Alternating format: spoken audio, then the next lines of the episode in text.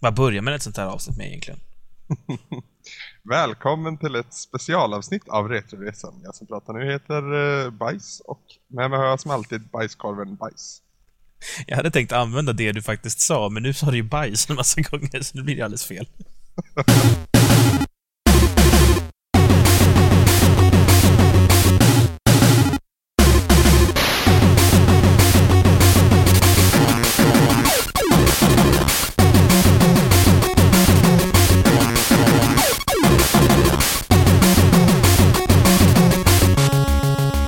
Välkommen till Retroresan. Jag som talar nu heter Samson och med mig har jag som alltid min vapendragare Anders Brunlöv. Hej på dig Anders! Hej Samson! Det här är inte ett vanligt Retroresan. Det här är definitivt inte det avsnittet som avgör huruvida jag eller Anders ska få ett straff. Det här är ett specialavsnitt. Eh, varför vi har med det är för att Anders den... Ja, vad ska man kalla dig? Du, du idog jävel. Pretentiös kanske. En pretentiösa Anders här har satt sig ner och faktiskt listat sina hundra favoritspel på Gameplayer. Vi tänkte er som så att vi tar och eh, tar oss en titt på den här listan, du och jag. Mm. Och eh, så får det... vi se om du är så dum som du brukar låta. jag, jag ser fram emot det här, för nu kommer jag bara få prata om spel jag tycker om. Så det, det, det är ovanligt. Vi ska också säga till i förväg så att vi har ingen aning om hur långt det här kommer bli. Det är 100 spel, så det här kanske är ett episkt avsnitt och det kanske är fem minuter, det märker vi. Jag laddar upp med snus och Jolt-Cola, så jag kan, jag kan sitta ett tag.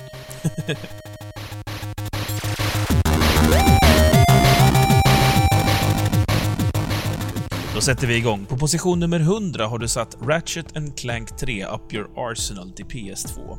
Allmänt ganska långt ner, tycker jag. Ja, jo visst är det det. Uppfattningen av Ratchet Clank fram till den gick över till den nuvarande generationen tycker jag det är att det är lite för...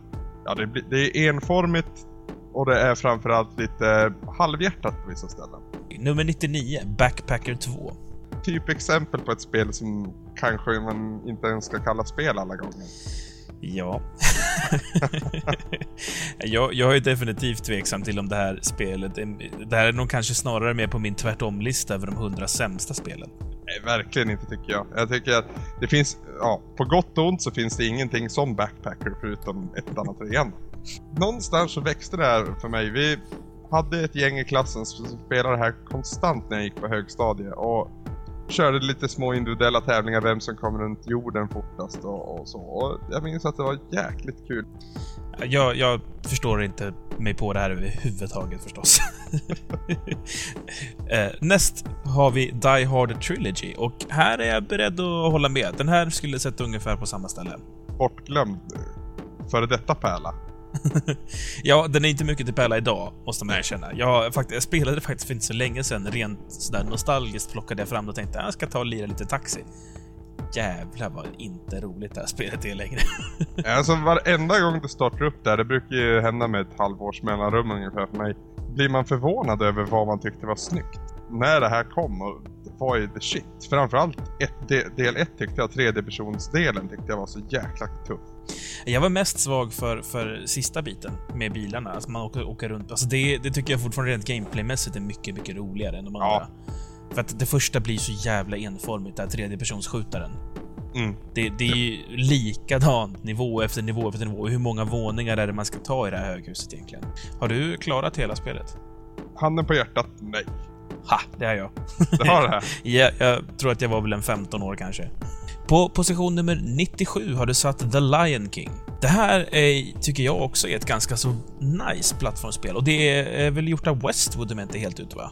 Jajamän, de som ligger bakom Red Alert-serien. Eller hela Command Conquer om inte helt fel. Mm, precis. Ja. Um, förvånansvärt bra och snyggt för att vara västerländskt på den här tiden tyckte jag när jag såg det. Snyggt både i grafik, färgval och även musiken. Eh, du börjar ju som Simba när han är en liten, liten, vad heter det? Ja, unge då. En liten parvel. Ja, en liten parvel. Och han, han, kan ju han kan inte ryta, det blir mest att han jamer som en liten kattunge. ja, det är väl ungefär mitt i spelet så skiftar det om och så blir man den vuxna Simba istället som får betydligt mer egenskaper. Så långt har jag aldrig kommit i spelet faktiskt. Det finns en, någon position, jag tror att det är i slutet av när man faktiskt är lillen, så, så kör jag fast och kommer inte vidare. Jag, tror, jag har länge tänkt att nej, men det, det är något fel på spelet här, för det går inte att komma vidare. Okej, okay. uh, eh, är det när du åker på stockar i djungeln där Hakuna Matata-banan? Nej, det tycker jag inte är så svårt. Det är längre fram. Alltså, jag minns det som att man är springer på några stenbitar och så är det stenbumlingar som rullar omkring runt omkring och så framför dig och bakom dig och du ska typ hinna före innan stenen kommer ikapp dig bakifrån. Mm, just det. Ja, men det är, nog, det är nog till och med sista banan innan du skiftar om. Ja, det är den jag det, inte har klarat. Det, för det är inte så långt det här spelet. banorna är rätt utmanande på vissa ställen. Det finns bland annat en bana där du ska springa ifrån den här antilopjorden som kommer skenande precis som i filmen. Mm. Och då, då skiftar det till ett, jag vet inte vad man ska kalla perspektivet.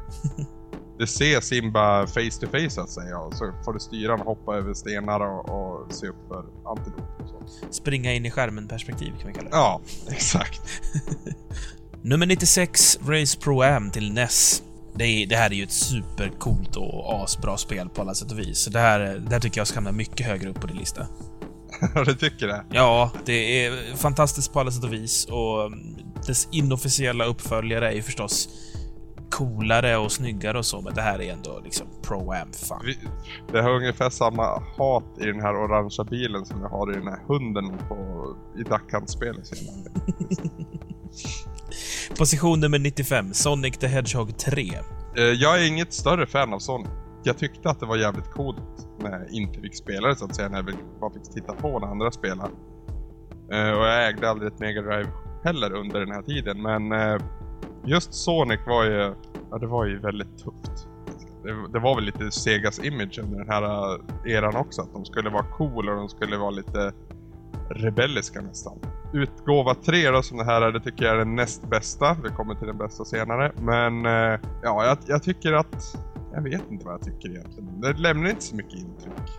Just trean är väl kanske inte det vassaste spelet i serien, men jag måste fråga dig Anders. Mm? Vet du vad Supersonic är för något? Nej. Nej, okej. Okay. Jag tror att jag och de andra som vet det lämnar det därhän helt enkelt. Mhm. Så jag får, jag får googla sen menar du? Nej, men det är så här. Fångar du alla kaosemeralder i Sonic? Mm. De här som man får i slutet av en avklarad bonusbana. Ja, just det. När du har tag, hittat allihopa så får du tillgång till Supersonic som är en gul version av Sonic. Ja, det är han som man ser alldeles i början av Sonic 3 då. Precis. I Sonic 3 så är det första gången han faktiskt syns för de som inte vet, vet om att han går att låsa upp så att säga. Okay. Det här är också innan internet och innan liksom den typen av kommunikation mellan spelare. Så de flesta människor som har Sonic 1 och Sonic 2 har ingen aning om att han finns. Nej.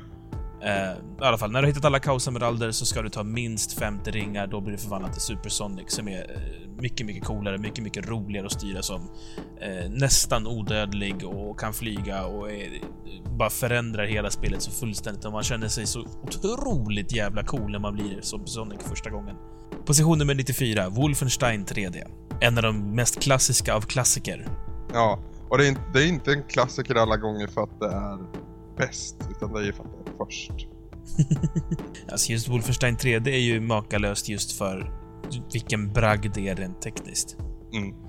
Själva ja, spelet alltså, i sig är inte så intressant egentligen. Nej, alltså som jag säger i, i den här texten där i frågan, då är det jävligt coolt att Adolf Hitler som slutboss.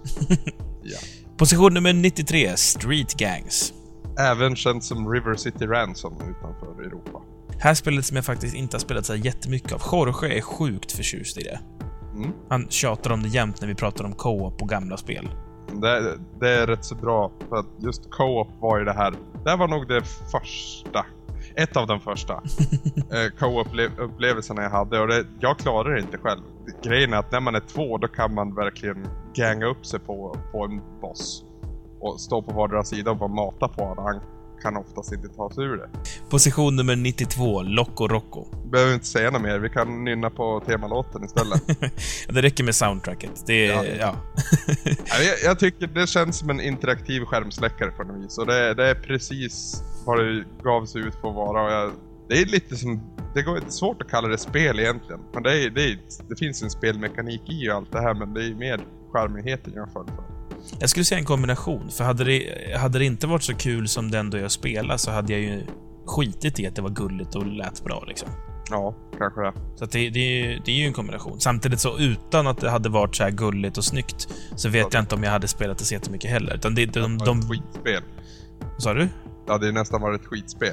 Nej, det tycker jag inte. Alltså hela poängen med att du styr världen och inte gubbarna är ju en ganska kul innovation på plattformskonceptet. Så jag tror att jag skulle kunna uppskatta det bara för innovationen.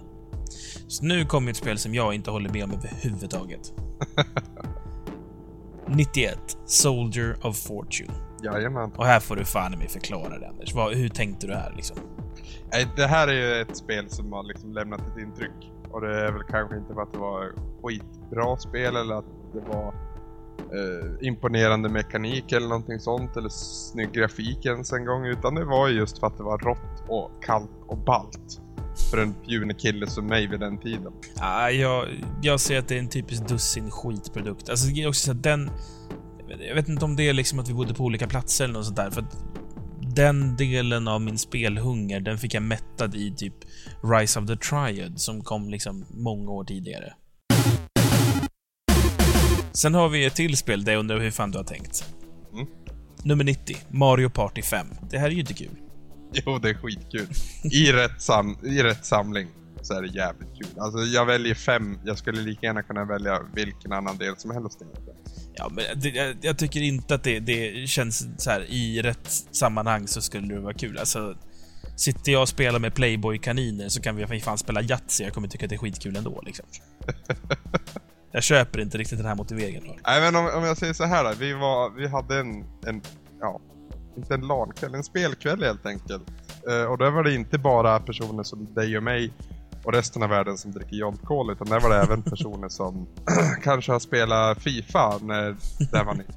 Normies, som vi kallar det. Exakt. I det här spelet så ställs ju alla nästan på samma nivå. Alltså visst, det är vissa precisionsgrejer som gör att vi som har en halmkontrollsvana ligger steget före, men det är ju så mycket slumpmässig rendering i det här också så att alla kan vinna och det är jäkligt kul. Och sen är det ju ett interaktivt brädspel. Vi jobbar oss framåt här. På position nummer 89 har du satt Skate. Det är väl inte så mycket att prata om. Skate är ett extremt välarbetat spel och framförallt så var det ju ett, en, en frisk fläkt av, eh, de skateboardspel som fanns. Jo, alltså när, när Skate kom så hade ju Tony Hawk blivit någon slags cirkus som inte liksom handlar om skateboard överhuvudtaget längre. Ja, man kunde inte ens kalla det arkad tror jag, utan det var något annat. Skate har en skatingmekanik som jag tycker är reko. Liksom. Jag gillar att skata i spelet Skate. Mm. Men som spelsätt så var det inte så jävla intressant, tycker jag. Just den där mekaniken fick ju mig att verkligen sjunka in i spelet och, och det, det har sina kullar där det är lite trixigt att få till det och man blir jävligt förbannad rent ut sagt. Men, eh, men eh, nej, i slutändan tycker jag det är ett riktigt bra spel. På position nummer 88 har du satt Duck Hunt. Underbart spel. Men det är ju bara kul i 30 sekunder, sen har man gjort allt som går att göra i spelet. Och det var nog så tråkigt som du och fuskar. Ja, men även, om, även utan att fuska och bara sitta, sätta sig på allvar och försöka sikta och skjuta. Antingen så träffar du eller så missar du. That's it. Det är hela spelet. Ja, fast det, det finns ja, en tillstymmelse för djup i alla fall. Var, var, var? För, för mig är det här, det, det här är Mario som bara springer rakt fram. Inga hinder, inga fiender, ingenting. Bara springa rakt fram. Men vadå, Alltså- jag får ju trycka på en knapp. Jag spelar ju. Alltså, jag förstår inte. Det här är ju spel. Jo, det är sant. Det, för det första så är det ju upptrappande svårighetsgrad hela tiden, men det, det fattar vi också. Men sen alltså, det, det roliga blir när man sitter, än en gång, ett gäng. För att det här var ju ett av de första casual-spelen. Någon som inte förstod hur man skulle göra med en nästdosa förstod vad man skulle göra med en pistol som man kunde sikta och skjuta med. Jag håller ju med dig till en viss del, men det är vackert i sin enkelhet. 87, Medal of Honor Allied Assault. Alltså det här är inget dåligt spel på något sätt, men eh, ska det vara med på en topp 100-lista? är väl lite så jag tänker. För det första så finns det ju hundra spel som handlar om andra världskriget. Verkligen hundra spel. Jag tror det finns mer till och med. Mm. Men det här är ju ett av dem som faktiskt var jävligt wow när det kom. Det, det gav framförallt just eh, landstigningen vid Omaha Beach. Och det, det är ju enkelt att dra paralleller vid ja, Saving Private Ryan eller Rädda Meg Ryan. Va? Eh, och det är ju faktiskt Steven Spielberg står ju bakom det här också. Den känslan att gå i land och känna att du kommer dö var ti- eller ja, du kommer att klara det var tionde gång. Har alla, alla odds emot dig. Det var, det var någonting som översattes bra i ett spel. Position nummer 86. Excite Truck. Ytterligare ett frågetecken från min sida. Tycker du det? Ja, alltså det, visst, det är väl okej, men på en topp 100-lista? Ja då. Den kommer in. Det här var ju ett av lanseringsspelen till, till Nintendo Wii. Jävligt kul var det när det kom. Just den här mekaniken som då var jävligt cool. Att man kunde vrida bilen i luften med hjälp av din Wiimote. Och sen den största bristen i hela spelet, förutom att det saknade ett flerspelarläge. Det var ju musiken. Musiken är ju verkligen förskräcklig. Men då fanns det ju faktiskt, de, hade, de måste jag veta av där utvecklarna, för det fanns ju möjligheten att lägga in en drös med mp3er eller andra ljudfiler på ett SD-kort. Köra den musiken istället. Position nummer 85. Command and Conquer Generals Zero Hour. Det här tycker jag är ett väldigt utskällt och uh, förbisett spel. Alltså det, det största bristen är ju balanseringen som är fruktansvärd. Men det var jävligt, framförallt just enspelarkampanjerna tyckte jag var jäkligt kul. Det var så kul att spela som terrorist framförallt. De hade en hjälte som jag inte kommer ihåg vad han heter, men han var i alla fall en sniper och han var ju det, bland det coolaste som finns. Position nummer 84. NHL 10. Du har satt just 10 med här. Är det någon speciell anledning till att det är just 10 Ja, alltså jag, som jag, jag skrev en recension på det här spelet för en stund, eller för ett tag sedan och äger du 09 är det ingen anledning att köpa NHL 10. Äger du NHL 08 är det ingen anledning att köpa 09 eller 10 för den delen. Men det är ju fortfarande det bästa NHL-spel hittills. För att de uppdateringar som de har fått. Det är ju ingenting som har gjort serien sämre. Om du är helt blank på NHL och är sugen på att köpa ett spel så är det ju 10 du ska köpa. Det är NHL 95 är ju det bästa spelet som någonsin har gjorts när det kommer till sportspel. Super Nintendo-versionen menar jag. Äh, Mega Drive om man ska vara ärlig, för den är lite Okej. snabbare. Det, det är det ultimata hockeyspelet och ingenting har någonsin varit bättre än det. Vi går vidare på position nummer 83 och nu kommer vi äntligen till något riktigt intressant och det är Blackhawk. Ja. Här. Så- Ja. Ja, förlåt. Jag tar över här för att nu äntligen får jag vara med. Eh, det, det är ju ett, vad ska man kalla det? Ett sånt äventyrsspel i stil med Flashback eller Another World. Och, och Eller Prince of Persia. Ja. Fast Blackhawk har ju vapen och sen den här väldigt fuska gameplay-mekaniken att du kan så här ställa dig lite i bakgrunden och så kan ingenting träffa dig. Väldigt, väldigt, väldigt udda val. Ska det vara 2D så ska det vara 2D. Ja, det är i och för sig sant. så tar du ett steg åt sidan så kan ingenting träffa dig. Det är Nej. helt perfekt. Hur som helst i alla fall, Blackhawk var ett för jävla bra spel och, och jag minns att jag och min kusin spelade först Another World och så älskade vi det så otroligt mycket. Och så var det någon som sa ah, ni gillade det, ni borde testa Flashback.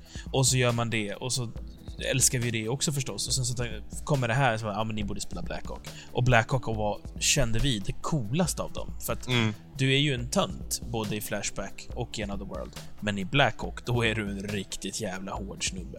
Position nummer 82. GTA 3. Jag lyssnade på ett savepunktavsnitt, jag minns inte riktigt när det var Samson, men ni pratade i alla fall om GTA, att du aldrig har klarat ett GTA någonsin. Det stämmer. Det är ju pinsamt. Nej, jag tycker inte det är det. Jag tycker att det är helt okej att säga att nej, det här är inte så intressant, så nu stänger jag av det här. Intressant, det är ju underbart. All, jag är en väldigt fanatisk anhängare av GTA-serien. Sen den gick över det tredje ska jag säga. Jag spelar både ettan och tvåan och vad heter det här, ja London någonting. Ja, skitsamma. Eh, Men när det gick över till tredje då, det vart sånt magiskt spel. GTA 3 var ju banbrytande och ökade väl försäljningen av Playstation 2 så det sjöng om det minns jag. Men vad är det som är så bra med det då? Det är just valmöjligheten och friheten, Ja, men vad fan, sånt har jag i vardagen också. Varför ska jag ha det i ett spel? Det är väl just därför du ska ha ett spel, för att det ska krypa närmare verkligheten och realismen i, i spelvärlden också. Jag, jag, jag köper inte det där konceptet i de här sandlådespelen, för de är ju inte realistiska. Det är ju det är inga konsekvenser av dina handlingar. Det, det är inget, visst, det är en stor värld och du kan hoppa över ett staket som hade varit en osynlig vägg i ett annat spel. Men det är den enda skillnaden. Jag, det finns ju inget intressant i den här världen. Man ska antingen köra någon, eller ska man krocka i någon, eller så ska man döda någon. Det är de tre uppdragen du har, ingenting annat. Seriöst. Nej, Det, det, det, nej, nej, alltså Samson, jag, jag förstår vilket, vilket håll det är lagd åt så att säga. Att, att det, det blir enformigt. Först, först och främst måste vi fokusera på vilken stor värld de har målat upp för tiden då. Staden, den är ju magnifikt stor och det syns ju vart de har lagt fokus. Men skitsamma, du kan alltså gå igenom hela den staden, du kan åka bil genom hela den staden, du kan även flyga även om det är extremt jävla svårt. GTA-serien kommer alltid att vara varm hos mig. Jag tror att det är att jag inte sympatiserar alls med karaktären i det. Jag, jag, jag tycker illa om alla människor jag är eller träffar i GTA-spelen. Så jag känner att, alltså jag vill att ni ska dö allihopa, så nu stänger jag av det här spelet, för då är ni döda i min värld. ja, alltså, du tar ju upp en annan intressant sak, för Rockstar har ju en förmåga att måla upp karaktärer som man antingen hatar eller älskar. Position nummer 81. Crash Bandicoot. Den, den bortglömde och något saknade i alla fall Crash Bandicoot. Han är väl med i något spel fortfarande, men är, han vart ju aldrig det han var tänkt till att bli. Nej, verkligen inte. Vilket är både bra och synd. Han var ju det som Mario och Sonic inte var. För Mario, han är medel allting och han är liksom... Han är Musse Pig. Ja, han är Musse Pig, exakt. Sonic var ju den här kalla, coola motsvarigheten till Mario på något vis. Och från ingenstans dök Crash upp och var bara en galen, helt... Amerikansk. Amer amerikansk karaktär som faktiskt behövdes. Jag måste säga så här, jag tycker att när Playstation, alltså när hela den, när den 32-bits-generationen kom. Där någonstans så insåg, jag tror att det var Psygnosis som verkligen sprängde gränserna för det. Eh, insåg speltillverkare att så här, vänta ett tag nu. Vi kan lansera hela grejen med tv-spel som någonting trendigt och coolt som ungdomar sysslar med. Inte som barn sysslar med, utan ungdomar. Mm. Och så släppte man Wipeout och Sony brandade sig som liksom ett trendigt och coolt tv-spel. Av någon jävla anledning försöker man sig på en sån här barnvänlig mjukisfigur karaktär som ska fungera som ett flaggskepp. Det, det funkar ju inte. Ni skulle ju haft något jävligt trendigt istället. Första spelet, Crash Bandicoot, tyckte jag var väldigt, väldigt roligt. Det var ju inte riktigt 3D ändå. Eller 3D är det ju, men banorna var ju uppbyggda i tunnelperspektiv. Mm. Men väldigt, väldigt linjär 3D helt enkelt. Väldigt linjär 3D, exakt. Uh, vissa gånger även 2D. Bonusbanor och ja, diverse. Men, uh, men underhållningsvärdet låg ju verkligen på topp tyckte jag. Position nummer 80, Counter-Strike. Och här har jag bara valt att skriva Counter-Strike. Det finns massvis med olika versioner och så. Men den version som vi spelade när jag gick i gymnasiet och satt i en datasal hela dagarna. Eh, det, det, är en bitterljuv placering där. Det finns lika stora delar av mig som hatar det här spelet som älskar det här spelet. Och det är väl lite mycket därför det hamnar så pass högt upp också. Det här är ju ändå, när du, när du spelar med rätt folk, när du spelar på rätt sätt och när det, allting klaffar så är det ju extremt kul. Jag känner att det är lite så här, kan du Counter-Strike så kan du FPS. Det är som någon form av eh, Formel 1-version av FPS. Position nummer 79, GTA San Andreas. Jajamän, nu kommer vi tillbaka och vi kommer att se fler GTA-spel på den här listan. Ja, jag ska inte dra samma rant en gång till då här helt enkelt. San Andreas tycker jag är lite vassare dock, för här finns det en lite mer intressant story. Mm. Och sen är det ju lite charmigt att det är 90-tals hiphop istället för den här otroligt tråkiga Liberty City-bakgrunden man hade i eh, trean. Väldigt uppsvung från trean som var väldigt kallt och opersonligt på många sätt. Det var ju snarare att det var wow-upplevelse. Men skit i GTA 3, nu går vi på San Andreas. som nästan var en overkill på saker du kunna göra och spellivslängd och det går inte att förklara hur mycket tid du kan lägga i San Andreas. det är otroligt, otroligt stort. Position nummer 78, Quake 3 Arena. Jag har ju skrivit här på min lista att eh, FPS inte är riktigt min favoritgenre. Men eh, samtidigt så har vi väldigt många titlar som, som dyker upp här som är just FPS. Quake 3 och Quake generellt är ju någonting som jag hade väldigt som favoriserat ett bra tag. Det känns lite Counter-Strike över det här också.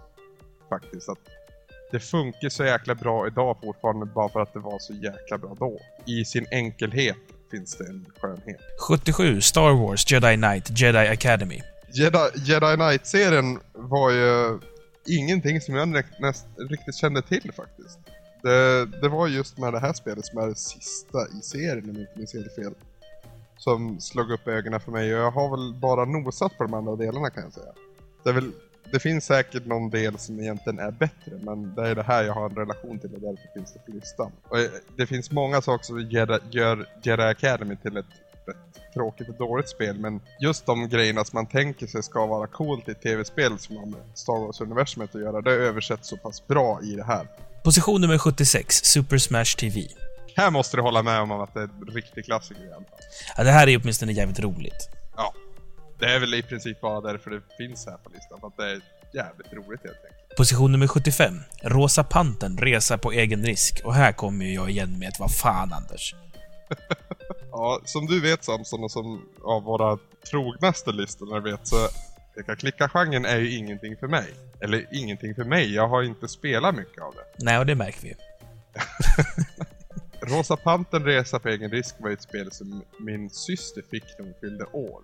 Och det är, är väl ett spel som är utvecklat i utbildningssyfte från början. Men någonting i det är ju så extremt charmigt och det är, Jag kommer aldrig glömma det här spelet. Det är klart att du inte glömmer det, för att du, du besudlade din egen peka-klicka-oskuld med ett så uselt spel som Rosa Pantern Resa på egen risk. Ja, det, det är väl ungefär som man inte har hört Mamma Mia av ABBA innan man lyssnar på Mamma Mia med 18s.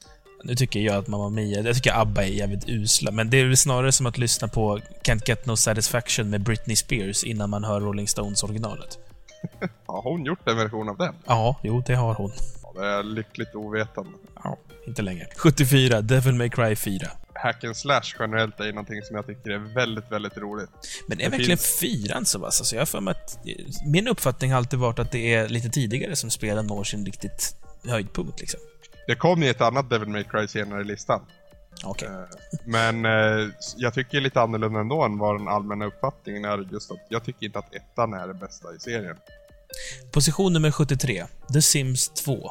Vad har du för relation till Sims, Samson? När Sims var nytt, det första, så spelade jag i en dryg, eh, riktig timme. Sen så tröttnade jag och dödade mina simmar genom att antingen slänga ner dem i poolen och ta bort eh, stegen, eller bygga in dem i ett hus utan dörrar så de kissade på sig och dog. Mm, just det där känner jag igen också. Ja. Fast det är ju från tvåan istället. Jag spelade aldrig första delen. Det var någonting som helt gled förbi mig. Jag hörde folk prata om det och sånt här.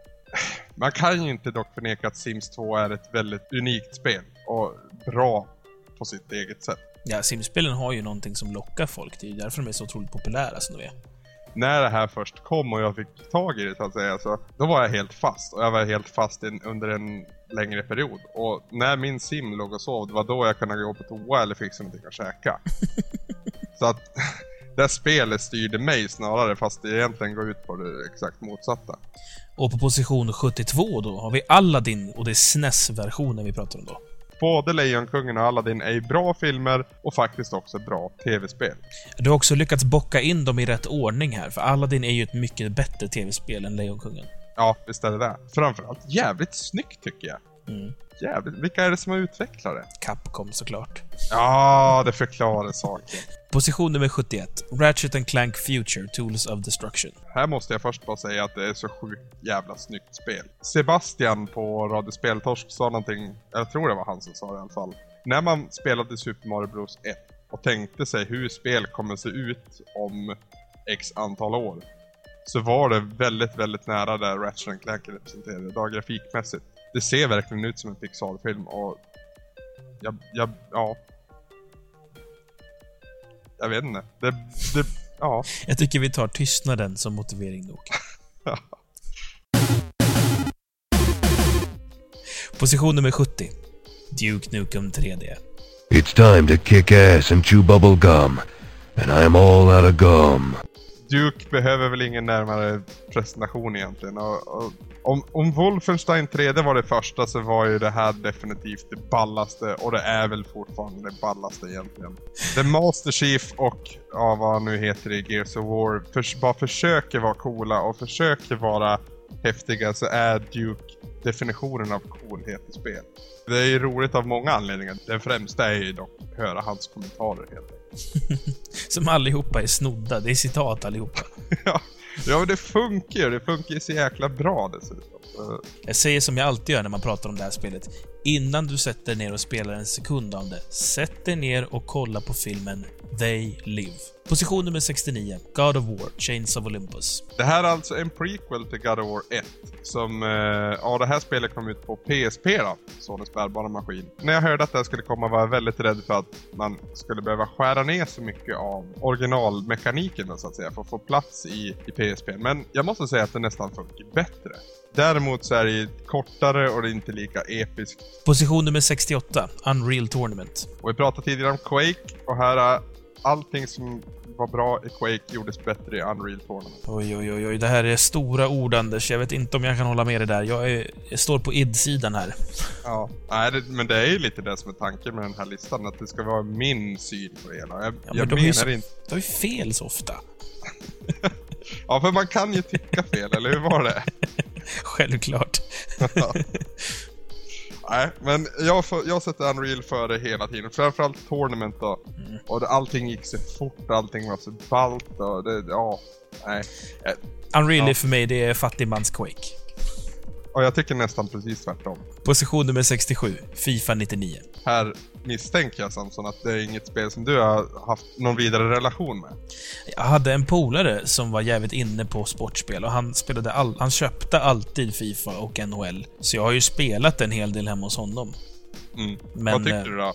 Om vi säger först, vad föredrar du mellan Fifa och NHL? Oh, det är knepigt där. NHL-spelen brukar jag vara bättre på, så om det är liksom för att jag ska vinna, då föredrar jag ett NHL-spel. Men samtidigt så är det ganska kul med fotboll också. Mm. I och med att det är större plan och det går lite långsammare. Jag törs inte säga, det, det beror på vad jag är på för humör och vilka jag ska spela med, för det är beroende av medspelare. Eh, Just att jag har valt 99 här som utgåva, jag tror det här är det enda Fifa-spel på listan, eller jag, jag vet att det är det. Det är för att det är den, den delen av serien som jag haft mest relation till. Position nummer 66, Super Paper Mario. Super pa eh, Paper Mario-serien, det var ju någonting som drog igång på Nintendo 64 om jag inte minns helt fel. Det var väl en spirituell uppföljare till Super Mario RPG på Super Nintendo. Själva grejen, eller nischen med Paper Mario, det är att allting är Ultra 2D. Ja, när du ser Mario vända det så ser du att han är verkligen helt platt. Därav namnet Paper Mario. Han är en, en pappkartongsbit helt enkelt. det är Paper Mario på Nintendo 64 och GameCube hade väldigt starka RPG-influenser. Så var ju Super Paper Mario till Wii mer ett plattformsspel. Det som är genomgående för hela serien, det som gör att jag älskar serien, det är ju att det finns en otrolig självdistans och ironi över hela alltihop egentligen. Nummer 65, Killer Instinct, Super Nintendo-versionen. Jag hade nog valt arkadversionen om jag väl hade spelat den. Här tyckte jag man fick med allting som var coolt i Mortal Kombat och allting som var coolt i Street Fighter i ett och samma spel. Ultra-kombos och combo breaker och allt vad det heter. Det var bara en, en bitch till spel helt enkelt. Väldigt, väldigt snyggt också på sin tid. Ja, jag, jag håller med dig om att det kanske var tekniskt skickligt i grafiken, men jag tycker att det inte alls fångade vad som var bra med Street Fighter eller Mortal Kombat. Du tycker inte det? Nej, och jag tycker musiken är gräslig. Nej! Så jag, jag håller inte alls med. Plus att karaktärsgalleriet är nog det mest opersonliga jag har sett någonsin. Ja, det, det är intressant att du tar upp det, för vi hade ju en lista på Gameplayer den här, ja, förra veckan var det. Där vi listade 10 favoriter från ja, fighting-spel och då fick jag med i alla fall en. Det var Orchid då. Ja, jo, men tuttarna kommer ju alla ihåg, men Ja. i övrigt så var det ju inte mycket som var intressant överhuvudtaget i det här spelet, tycker Det jag. finns, det finns väl en lit, det är väl lite grejen med Killer Instinct att antingen så älskar man det eller så hatar man det. Alltså, det- jag tycker att Killer Instinct är ungefär lika bra som Clay Fighter. Nej men absolut inte. Clay Fighter var ju någonting som var coolt när det kom och som är helt hiskligt värdelöst idag. Ja, men det är ju för fan Killer Instinct också. Icke, icke. Jo, nu, nu har du retroglasögon, Anders. Ja, det är mycket möjligt. Ja, av med dem. Position nummer 64. Forza Motorsport 2. Jag älskar ju Gran Turismo när det här kom till eh, Playstation 1. Och tyckte även att tvåan var riktigt roligt, även om jag aldrig ägde det här spelet själv. Men sen så vart det tråkigt. Alldeles för seriöst. Det var ju seriöst i de första också. Ja, men det vart för realistiskt. Och det är det- lite det som jag är rädd för i femman, kommande femman, som aldrig verkar vilja släppas. Hur som helst, jag tycker att i Forza, även det till Xbox, men Forza 2 framförallt, så lyckas man hitta den här fina balansgången mellan simulator och arkadracing. Jag vet inte om jag håller med i det där. Så jag tycker att den... Jag tycker i och för sig från början att den balansgången alltid ska vara 100% arkad och ingen simulator. Nej, det, det håller väl inte jag med om, för Ridge Racer är absolut ingenting för mig. Men jag tycker inte att Forza Motorsport har någon, någon superbra balans mellan de här två. Jag, tycker att det är lite för mycket simulator. Jag skulle gärna ha lite mer arkad i det. Okej. Eller, ja, det, väl- eller i så fall mer simulator, för det, det känns... Nu känns det som att den velar lite. Det kan jag faktiskt hålla med dig om. Det håller till en viss gräns, men när, när bilarna börjar, ja, jag förstår vad du menar, men jag kanske inte kan sammanfatta det i ord. Position nummer 63. Donkey Kong Country. Pratar om wow-upplevelser så är ju det här en av de absolut första. Jo, det, det här är jag helt med dig. Det var också den första 100-poängaren någonsin i tidningen Superplay. Ja, riktigt det håller jag inte med om. Nej, de, de ändrade ju sig sen. Men de var lika wowade som vi var, så de gav det 100 av 100. Lite Killzone 2-effekten va? Presentationsmässigt, både grafik och musik var ju överlägsen allting som släpptes just då. Musiken är jag inte helt med dig på. Eh, jag tycker inte att det var kom bra komponerad musik. Jag tycker det kanske var ganska intressant arrangerad musik för att vara Ja. Super Nintendo. Mm. Men jag tycker inte att det är bra musik egentligen om man jämför med andra.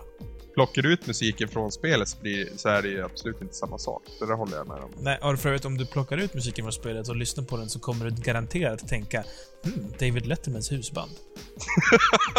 det här spelet har ju fått ganska mycket skit för att det mest bara var yta. Men det är det ju inte. Nej, jag måste faktiskt... Alltså, visst, det, det har inte samma precision och samma alltså, gameplay-tyngdpunkt som, som Mario till exempel. Men Mm. det är ändå ett för jävla bra spel. Alltså, det, det är ändå bra gjort och det är kul att spela och det är massor med gömda coola hemligheter och man måste ju få de där 101 procenten. Man måste klara det under en timme. Man måste göra det utan att dö så att man får veta vad fan det är Cranky vill säga. Men eh, samtidigt så blir det, om du, om du spelar det som en vanlig dödlig då, den gruppen jag representerar mer och mer. så, Försöker du måla upp mig som någon slags spelgud? nej inte spelgud, snarare en som, eh, jag vet inte, väldigt tjockt skinn på dina tummar. Nja. Ja, hur som helst, det, det har en tendens att bli enformigt för den som inte är, har en samlarmeny som du helt klart har. jo, det, min OCD är ju ingen hemlighet. Nej, det, det blir mer och mer uppenbart hur mycket hjälp du egentligen behöver. vi skrattar men vi gråter inombords. Position nummer 62. Resident Evil 2. Vad har du, nu vill jag höra din syn på det hela först. Alltså. Eh, Okej, jag eh, spelade inte så jättemycket av tvåan. Jag älskade ettan. Mm, jag också. Spel, köpte det när det var sprillans nytt. Spelade det tillsammans med min kusin. Mm. Och eh, jag tror att vi klarade hela spelet på två dagar eller något sånt där.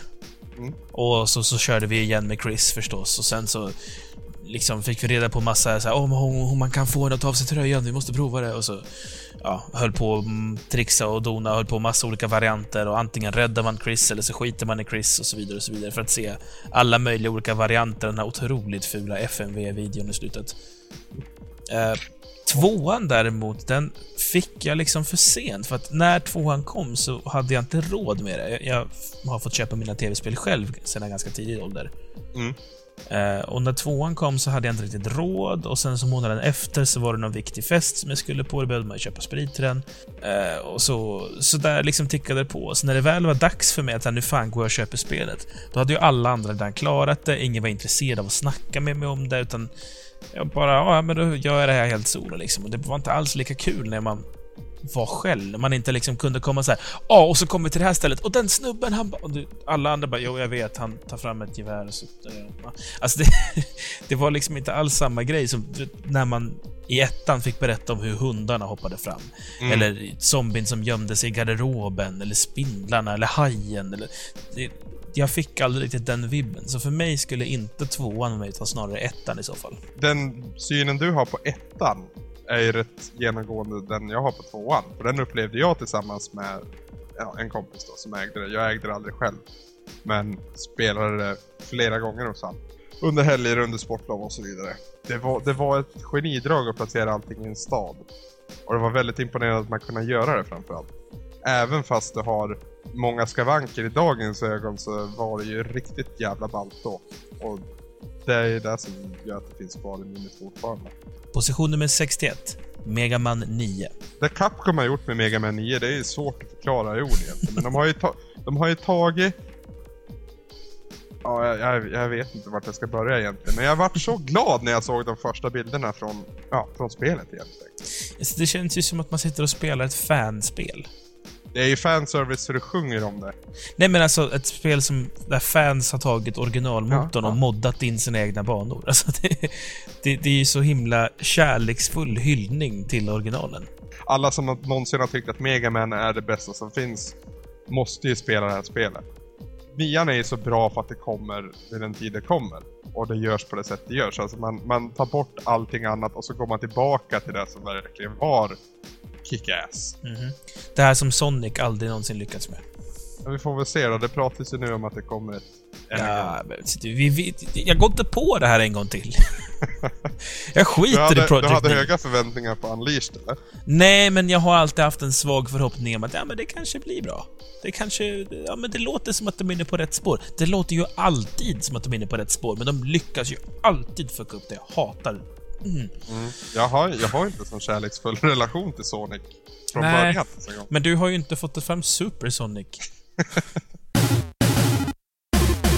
Position nummer 60. Killzone 2. Jag nämnde väl lite, tid, lite snabbt här, när vi pratade om Donkey Kong Country var det väl, att det fick ju 10 av 10 av väldigt många ställen.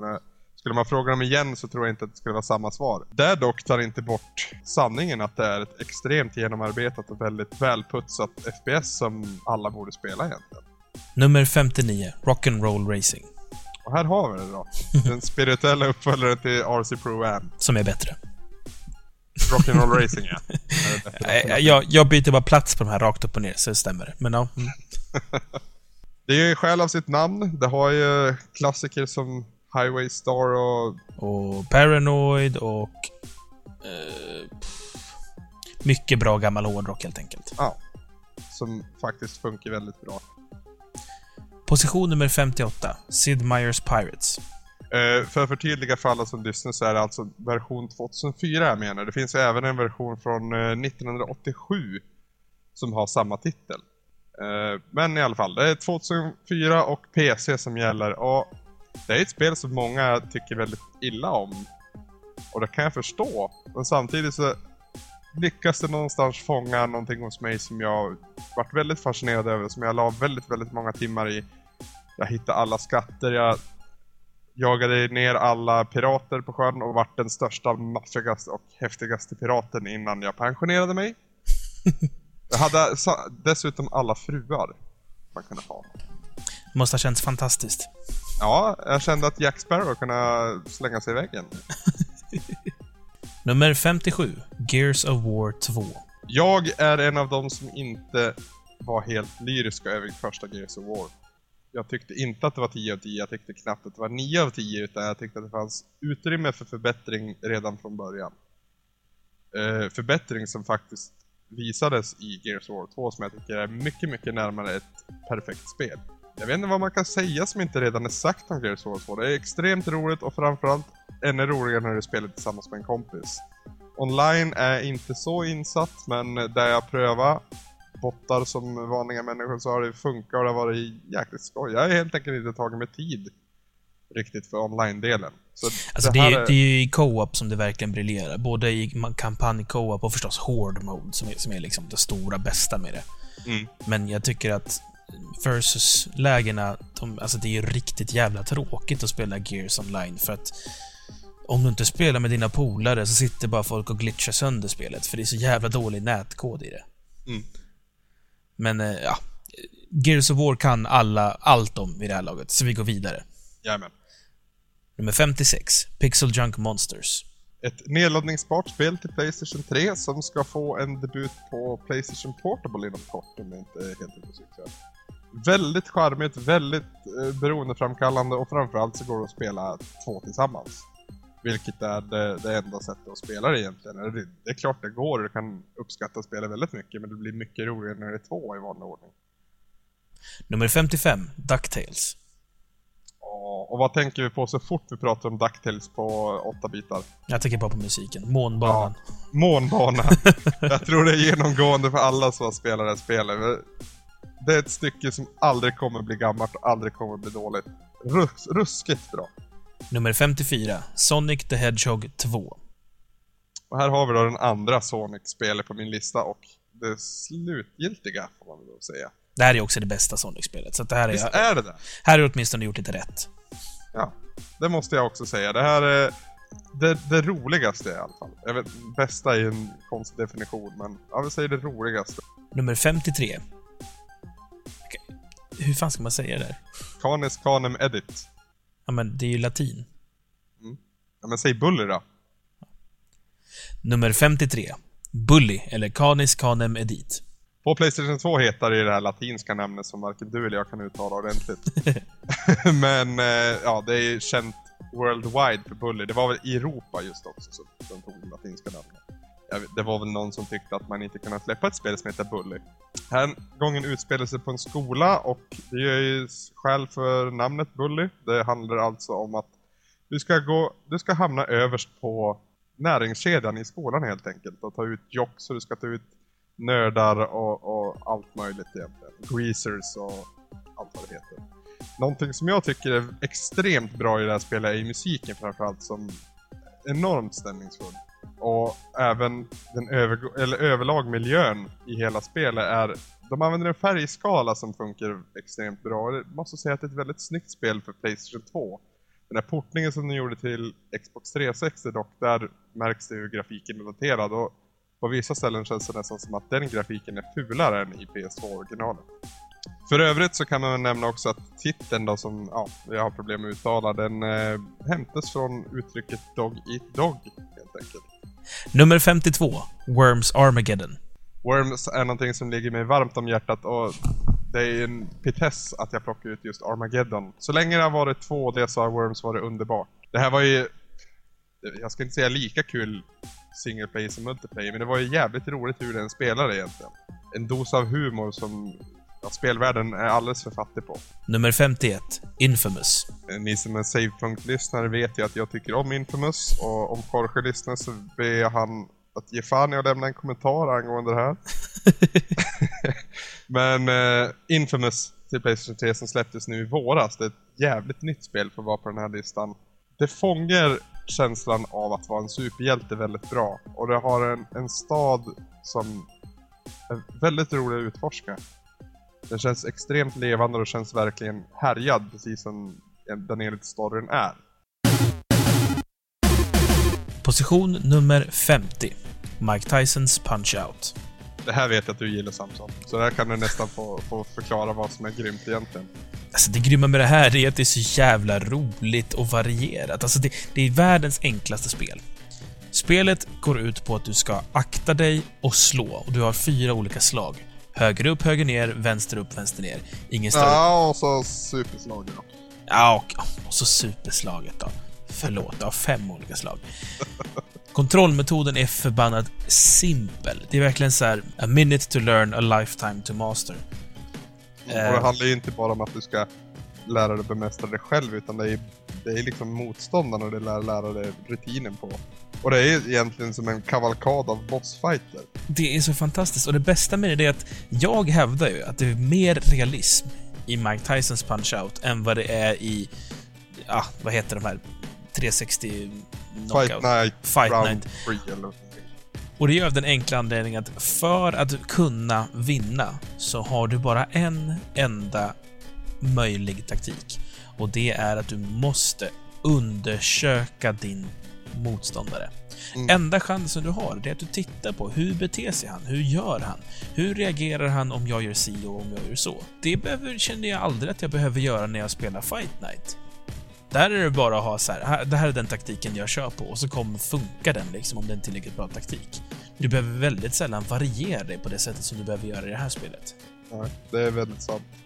Eh, en liten annan sak man kan säga är att det här Punch-Out till Wii som nu inte har sålt ett jävla skit egentligen. Men vi som spelar det, vi vet ju, det är egentligen samma spel i förpackning. Det visar ju på genialiteten i enkelheten.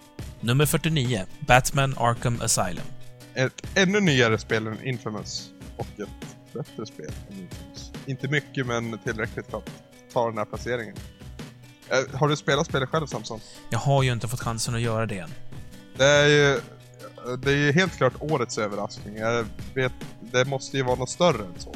Jag är så glad att se att den här lilla, lilla gruppen Rocksteady, som man knappt visste vilka de var, bara från ingenstans har rest sig som någon jävla jätteepisk, liksom jätteberättare och bara spottar ur sig ett sånt bra jävla spel som jag förstått det som. Det är ju med en otrolig kärlek de har gjort det här spelet också. Det märks att de verkligen gillar karaktären de har jobbat med och hela universumet som, ja, som Batman innebär. Ja, jag har ju spelat demon och vad jag, vad jag har fått med så, så är det ju skitkul spel, liksom. Ja, demon är ju bra och dålig på samma gång. Den sammanfattar ju bra liksom vad spelet går ut på, men du får inte riktigt... Det är mycket klippt, ska du veta, i demot. Och du kommer inte, inte riktigt in i spelet på samma sätt som, du gör, som det egentligen borde vara också. När du väl spelar spelet. Okej. Det var väldigt snurrigt det där. Men. Köp och spela spelet, alla som lyssnar och inte har gjort det. Nummer 48. Call of Duty 4 Modern Warfare. Det här är ju ett otroligt bra spel. Det här var också en, en frisk fläkt på många sätt för att vi slapp andra världskriget till slut. Och att man därtill hade en extremt välarbetad, eh, ja både single player och multiplayer egentligen, men framförallt multiplayer var det som tog det till en helt ny nivå. Och det här att konstant mata en med små men säkra framsteg hela tiden gjorde det till att det var ett spel som du inte kunde sluta spela. Nummer 47. Devil May Cry 3 Dantes Awakening. Det här är ju helt klart bästa spelet i serien enligt mig. Här får man ju ställa Dante mot Virgil, hans nemesis. Och det utspelar sig ju före första spelet, så det är en prequel det här också.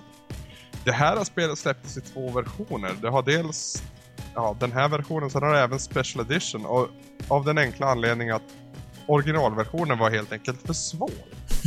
Den var sjukt svår.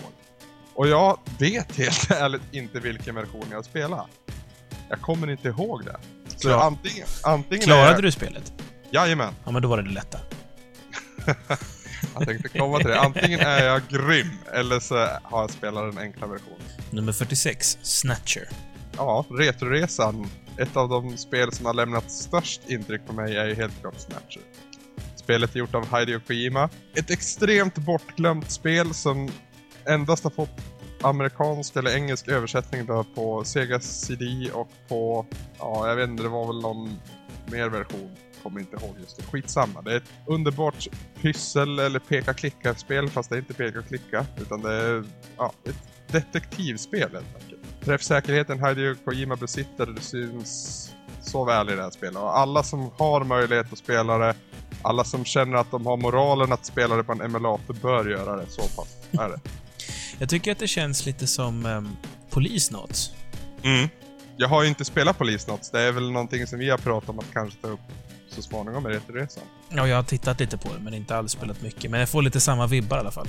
Det är väl väldigt lika spel, förstått. Polisnots är ett spel som faktiskt aldrig har översatts till engelska av spelutvecklare utan snarare av fans då. Position nummer 45. GTA Vice City. Ja, vi här igen Samson. Ja, fast det här är inte lika illa för mig, för här finns det någonting annat att klamra sig fast vid. Ja, där tänker du på... 80-talet. Ja. Jag är ett stort fan av 80-talet och jag är också ett jävligt stort fan av Scarface. Mm. Så det gör ju att den här, just det här är ju lite lättare att svälja för mig. Det, det, det är så tydligt vart de har hämtat inspiration ifrån. Det är Scarface och så är det ju... Vad tänkte jag på nu då? Miami Jo, Vice. Ja, Miami Vice, exakt. De fångar ju framförallt det här årtiondet extremt snyggt med ja, allt från neonljus till palmer till bilarna till musiken och till alla kostymer som du kan bära och husen och ja. En annan sak som gör att jag kommer ihåg det här spelet väldigt varmt det är att röstskådespelet gjorde ju sin, sin, sitt intro här så att säga. Det var ju obefintligt tidigare för din huvudkaraktär. Här gjordes det av Ray Liotta och han gjorde ett extremt bra jobb och för första gången Kunna du känna tillsammans med din karaktär. Du, du hade en karaktär som du brydde dig om. Nummer 44. Super Mario World 2, Yoshi's Island. Det här ligger väldigt färskt i minne för både dig och mig Samson. Jajamän, det här var ju ett avsnitt för inte alls särskilt många veckor sedan. Ett fantastiskt roligt spel måste jag säga.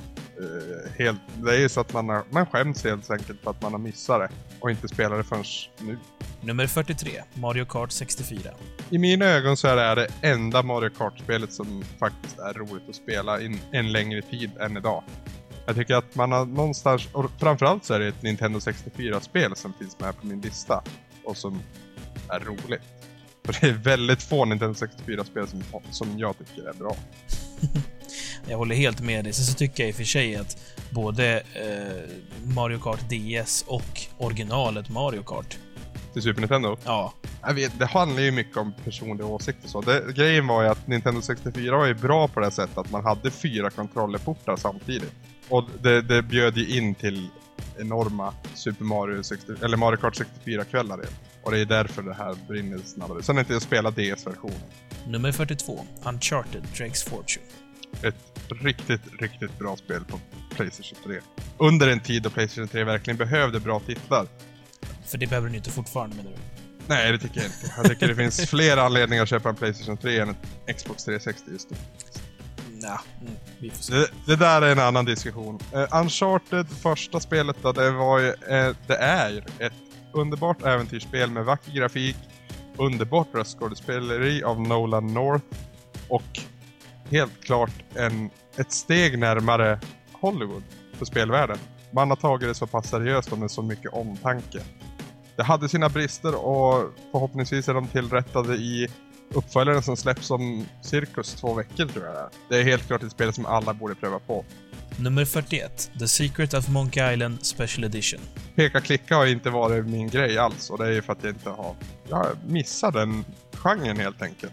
Men här fick jag ju då en chans att pröva det igen. Uh, och jag måste säga att det är, det är också någonting jag skäms över att jag inte har spelat tidigare. Någonting jag verkligen borde ha spelat tidigare. Någonting som alla borde spela och jag behöver kanske inte säga mer än så. Nummer 40. Soul Calibur 2. Många säger att Soul Calibur, det är det definitiva Soul Calibur-spelet. Men där tycker jag annorlunda. Jag tycker tvåan har förbättrats på väldigt, väldigt många plan. För mig så är det det absolut roligaste spelet i serien. Någonting som varken trean eller fyran har lyckats ta ifrån den. 39. Guitar Hero 2. Ett spel som har fortfarande den absolut bästa låtlistan i ett musikspel. Och med musikspel menar jag då Guitar Hero eller Rockband, inte de här konstiga japanska spelen. det var det här spelet som gjorde att jag varit fast i den här genren som jag fortfarande sitter väldigt ner besudlad i. Jävligt roligt att spela helt enkelt. Vare sig det är själv, men framförallt när du spelar tillsammans med andra. Här var det ändå perfektion för den som ville spela gitarr. Nummer 38. Age of Empires 3. Strategispel är ju inte jättebra på, ska jag erkänna. Precis som allting annat enligt dig.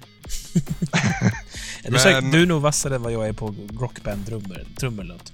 Ja, det hoppas jag. Med tanke på att jag spelat trummor sen jag var fjunig. Ja, då är det bättre än jag. Skitsamma. Age of Empires pratar vi om nu. Och trean har jag valt av den enkla anledningen att det är där jag spelar mest. Jag har... Jag var för sent inne för att uppskatta varken del 1 eller del 2, men del 3 det släpptes ungefär när intresset hade väckts. Och det är ett fantastiskt spel med alla expansioner och jag tycker det är så synd att Ensemble Studios nu har fått lä- lägga ner för det ja, det är en detaljrikedom i spelet som gör att jag blir helt glad i, i hjärtat. Jag själv är allergisk mot RTS, så jag, jag bryr mig inte det minsta om att de är borta. Det är nästan tacksam. Ja, jo, men det får ju du stå för då. Ja. Nummer 37. Virtua Tennis 3. Också ett av spelen som jag spelade i början av mitt 360-ägande. Det finns ju tidigare versioner som säkert har haft det mesta som det här också har. Det här är mer en personlig favorit för att jag har ägt och jag spelade så pass mycket. Det visade sig också när man gick ut online och spelade att eh, tennis just var en sport som översattes jättebra i tv-spelsvärlden. Än en gång i sin enkelhet, någonting som har väldigt djup. Nummer 36. Gran Turismo. Och där Donkey Kong Country var wow-upplevelsen på Super Nintendo så måste ju Gran Turismo vara wow-upplevelsen på Playstation. Jag kommer ihåg att jag när, jag, när jag först såg det här, det var i en, en leksaksbutik, jag kommer inte ihåg riktigt namnet på den. Och så visades en repris på spelet. Och jag kunde inte förstå att det var tv-spel jag såg framför mina ögon, för det såg så oerhört realistiskt ut. Ja, man trodde ju ibland att det var förrenderade sekvenser man tittade på. Det är helt makalöst vad, vad snyggt det var för sin tid. Dessutom hade det ett otroligt djup i kampanjläget och du kunde göra extremt mycket med dina bilar och du, ja. Ah, Jag behöver inte presentera närmare. Gran Turismo är och var och är awesome. Nummer 35. Super Mario RPG. Det var någon som sa det här till mig att Square och Nintendo måste ha träffats någonstans och rökt något konstigt eller tagit några konstiga tabletter när de kom på den här idén. För det där i, i grunden, det är ett RPG i Super Marios universum och det är någonting som funkar extremt bra. Och det här spelet som jag inledde den här retroresan med. Nummer 34. NHL 98. Det här var det första spelet jag ägde till mitt Playstation när jag väl det. Och när jag såg introt till det här spelet så var det någonting utom, utom denna värld. Det går inte att förklara hur taggad jag blev för att spela det. Sitter och kollar på introt samtidigt. Det är ganska cheesy alltså. Are you afraid? Ja, The Masked Man. Så det är en Men ganska så cheesy jävla rocklåt också. Ja, men tänk 98 Samson. Nummer 33, Command and Conquer Red alert 2. Mitt absoluta favorit bland RTS-spelen. Jag pratade tidigare om Generals och hur det var kul, men här har vi ett spel som både var kul och som framförallt var väldigt välbalanserat och väldigt uppmanande till att spela mot varandra helt enkelt.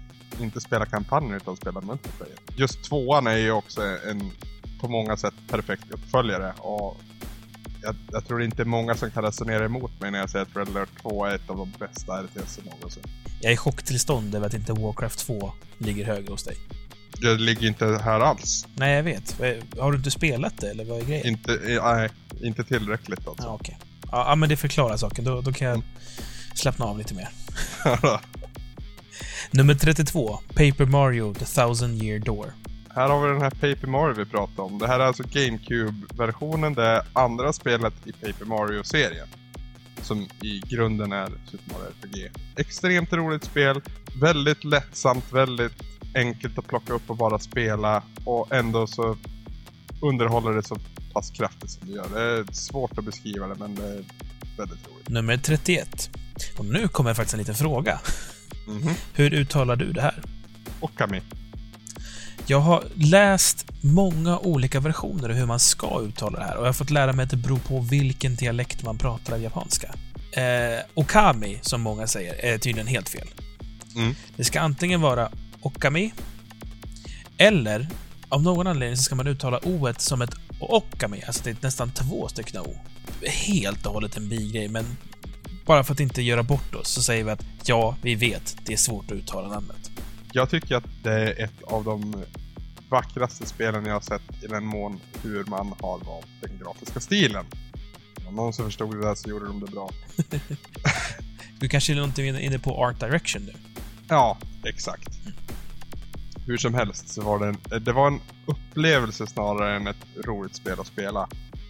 Fast det var ju också roligt att spela ska jag tillägga. Men det var, det man tar med sig efter man har spelat spelet är en känsla. Dessutom måste jag säga att där Zelda inte lyckades i tre dimensioner har ju Okami tagit och bärt den fanan vidare.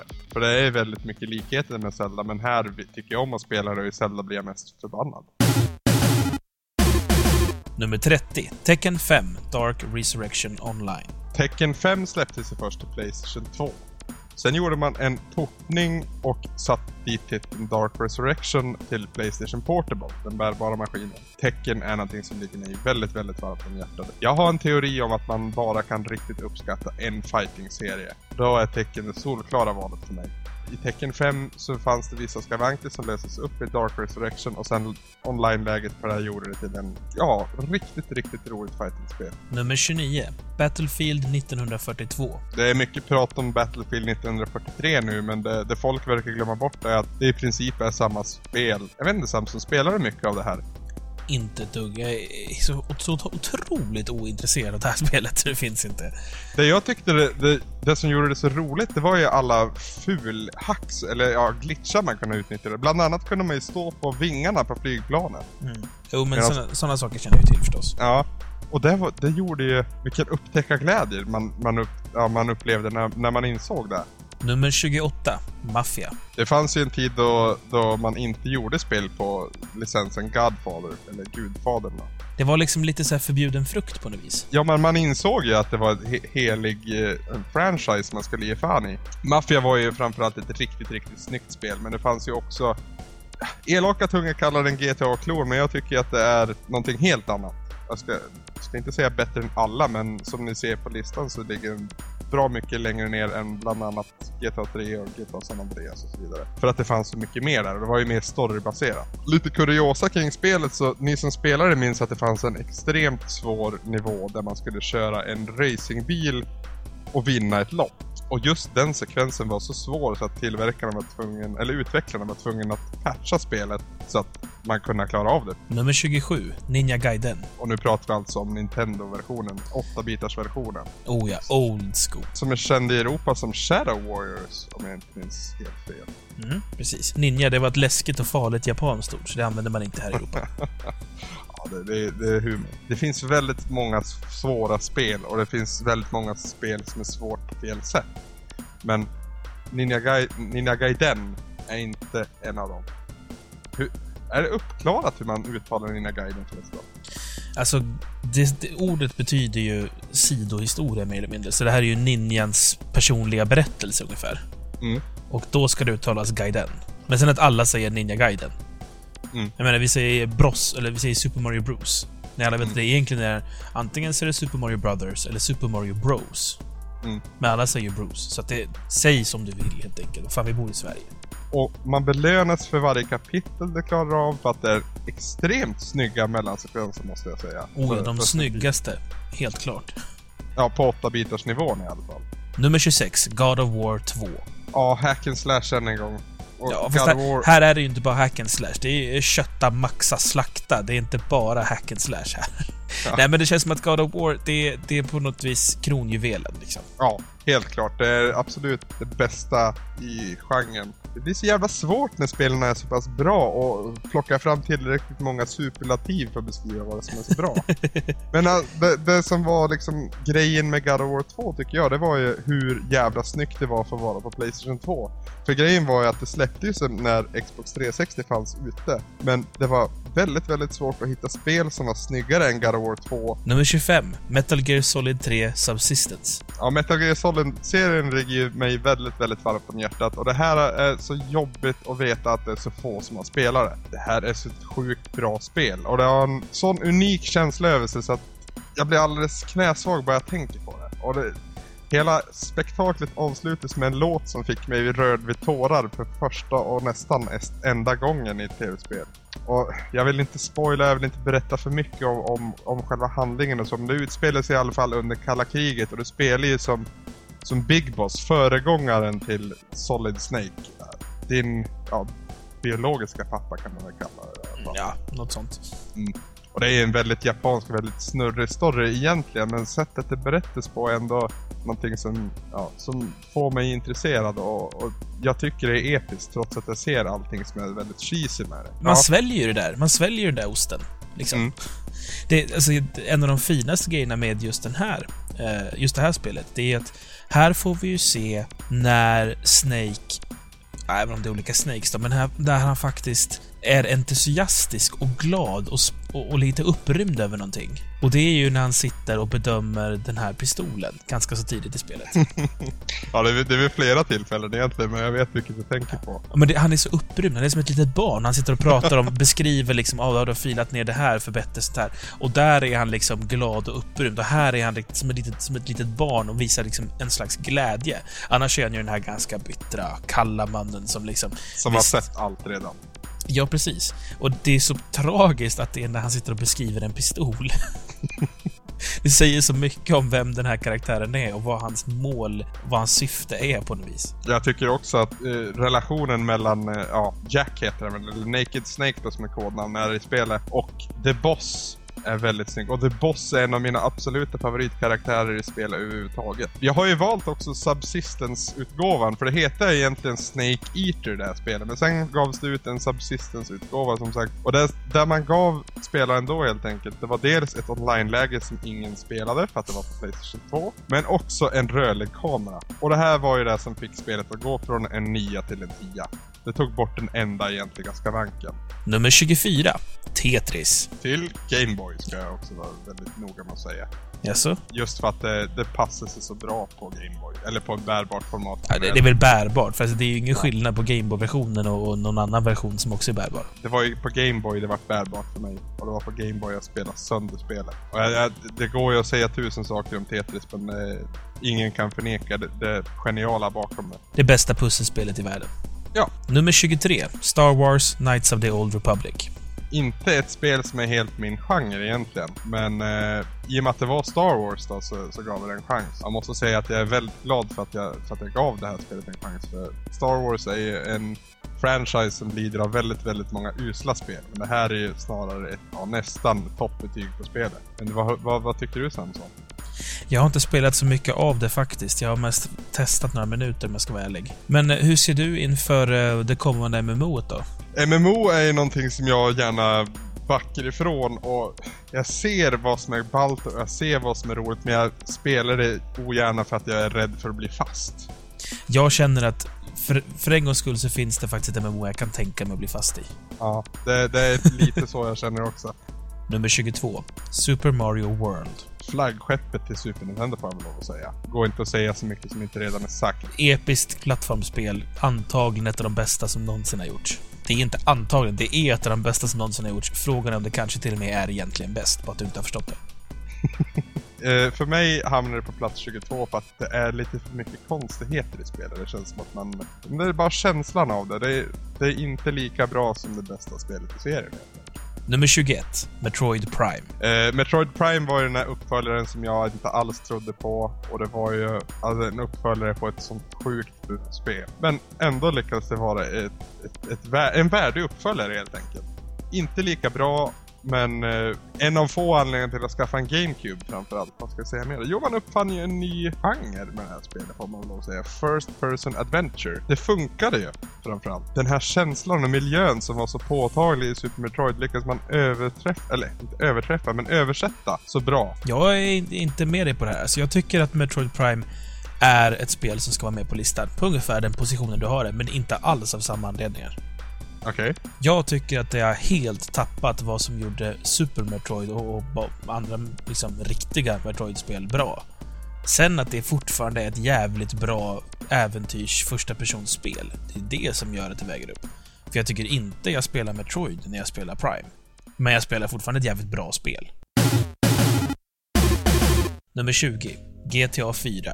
Här är det sista GTA-spelet, det lovar jag det. Nico Bellic är ju den karaktär som jag skulle kunna tänka mig att gifta mig med faktiskt. Trots att han är en kallblodig mördare med, med krigsbakgrund så har han någonting riktigt varmt innanför bröstet och relationen mellan han och Roman är jättevacker och det, ja, nu tänker jag inte spoila någonting men Han jag är blir fortfarande- arg på dig Samson när du inte har spelat det här spelet fullt ut för det känns som det här ska alla som är insatta i tv-spel ha Jag vet, jag vet ju vad som händer. Jag har inte Ja, missat det det.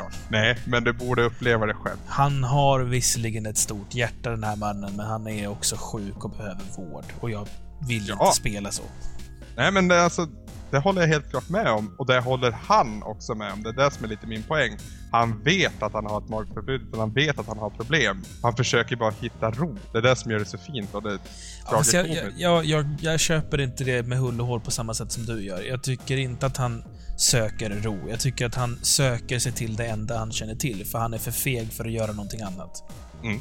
Nu går vi in på existentiella saker, så nu kan vi nog gå vidare för det är tv-spel vi pratar om. Nummer 19. Metal Gear Solid 4. Guns of the Patriots. Än en gång, som jag sagt, så är Metal Gear Solid-serien en, ett väldigt kärt barn för mig. Den komplexa och konstiga eh, Eh, berättelsen som Hideo Kojima målade upp i de tidigare spelen fick ju alla knutar upplösta och avklarade i det här spelet. Det kändes många gånger som fanservice. Samtidigt så måste jag också säga att han fick eh, äntligen till Snake så att det kändes som att man kontrollerade någon med krigserfarenhet. Det var ju synd att det skulle ta så pass många spel innan han kom dit. Men det som är viktigt och det som är det egentliga innehållet i Metal Gear Solid 4 det är ju den berättelse som målas upp. Med de otroligt långa videosekvenserna och den, den episka känslan generellt. Och stekta ägg. Och stekta ägg dessutom. Nummer 18. The Orange Box. Det här är ju en liten fegis för min, från min sida. Jag lyckas ju få med så många bra spel under en placering.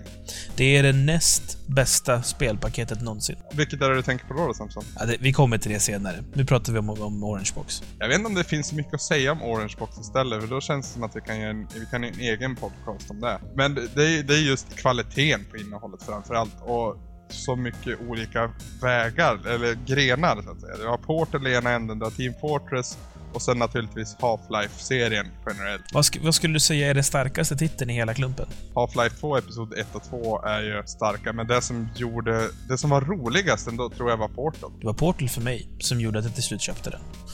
det var det alltså? Ja, då, helt klart. för alltså, jag hade inte spelat Half-Life. Okej. Jag visste ju att Half-Life var bra spel, men jag hade liksom inte fått chansen att sätta mig ner och spela dem. Team Fortress var jag såhär, "Ja, jag är inte så mycket för multiplayer. Men Portal, så fort jag såg vad spelet gick ut på tänkte jag att det där ska jag ha. jag, jag skiter i om det, om det är 20 minuter långt och kostar 600 spänn. Det där spelet ska jag ha. man kan ju säga på en gång att det var värt 600 spänn bara Portal. Och sen Lätt. att, det fick, sen att det fick så pass mycket bra, eller så pass många andra bra spel med på köpet gjorde det bara ännu mer uppenbart att du måste äga spelet. Precis. Jag köpte, jag köpte The Portal Box och fick dessutom tre fantastiska, fyra fantastiska spel till. Nummer 17. Kontra. Det manligaste spelet någonsin. Springa omkring och ta an så här många fiender i bara överkropp, det är inte många som klarar av. Det är det väl kanske, men eh, när det är ett sånt jäkla bra spel dessutom. Och här fanns det även det viktigaste av allt, co-op. Jag måste säga att jag tycker att Kontra 3 är vassare än vad Kontra originalet är. Mm. Jag har väl inte lika stor relation till Contra 3. Det är någonting jag har fått spela så, här, så pass långt i efterhand så att jag inte fått det här alltså, starka intrycket. Okej. För Contra 3 för mig, det var en av de titlarna som fick mig att inse hur otroligt cool Super Nintendo var. Mm. Det var liksom, när den var ny så spelade vi inne på stor och liten, så att vi liksom tog och varvade Contra 3. Eller Super Probotector då, som det kallades. Mm. Ja, vi kan nämna det att det heter Probotector det här i Europa. Och så sprang man omkring som robotar istället. Nummer 16. Mega Man 3. Och så är vi äntligen tillbaka till The Blue Bomba. Det är en ständigt pågående debatt vilket som är bäst av Mega Man 2 och Mega Man 3. Och i och med att vi inte har nämnt Mega Man 2 än, så får ni räkna ut resten själv. Men Mega Man 3 är fortfarande ett underbart, fantastiskt, nästan till fulländat spel. Med underbar musik, sån otrolig precision i gameplay och bara ett av världens bästa spel. Nummer 15. Max Payne 2. The Fall of Max Payne. Det chockar nog många att det här spelet är så pass långt ner på listan. Jag vet inte vad, vad du tänker Samson, men det är någonting speciellt med Max Payne 2. Och det är just det här speciella som får det till en sån otrolig nivå. Just sättet man berättar en story och ja, den grafiska stilen än en gång. Även i mellansekvenserna och det här vemodiga känslan som hela tiden pumpas ut i ja, bildskärmen. Alltså jag tycker att Max Payne är ett jävligt coolt spel. Jag tycker det är bra gameplay, jag tycker det är intressant berättat. Däremot så tycker jag att det lider av jävligt klyschigt berätteri. Mm, det, men- kan, det kan jag instämma på. Alltså. Ja, men så framförallt så här, åh, nu, nu är det galenskap, så nu ska vi följa ett blodspår i mörker till barnskrik. Och det känns som så här, sätt en 14-åring med papper och penna och säg skriv ner saker som skulle vara läskiga att uppleva, så är det det den personen skriver. Jag, jag fick ju en klump i magen under den sekvensen ska jag säga på en gång.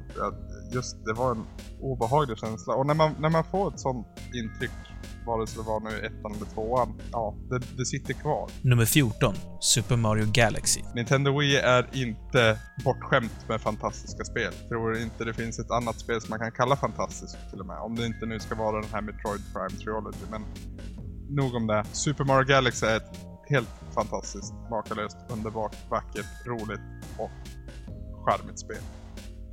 Det bästa 3D Mario-spelet enligt mig. Utan tvekan. Jag är inget större fan av Mario 64 och jag tror ingen är ett större fan av Sunshine. Mario, Super Mario Sunshine. Men här fick man verkligen alla kort på rätt ställe och alla kan spela det, alla kan uppskatta det och den snyggaste grafiken det året var på den klenaste konsolen. Nummer 13.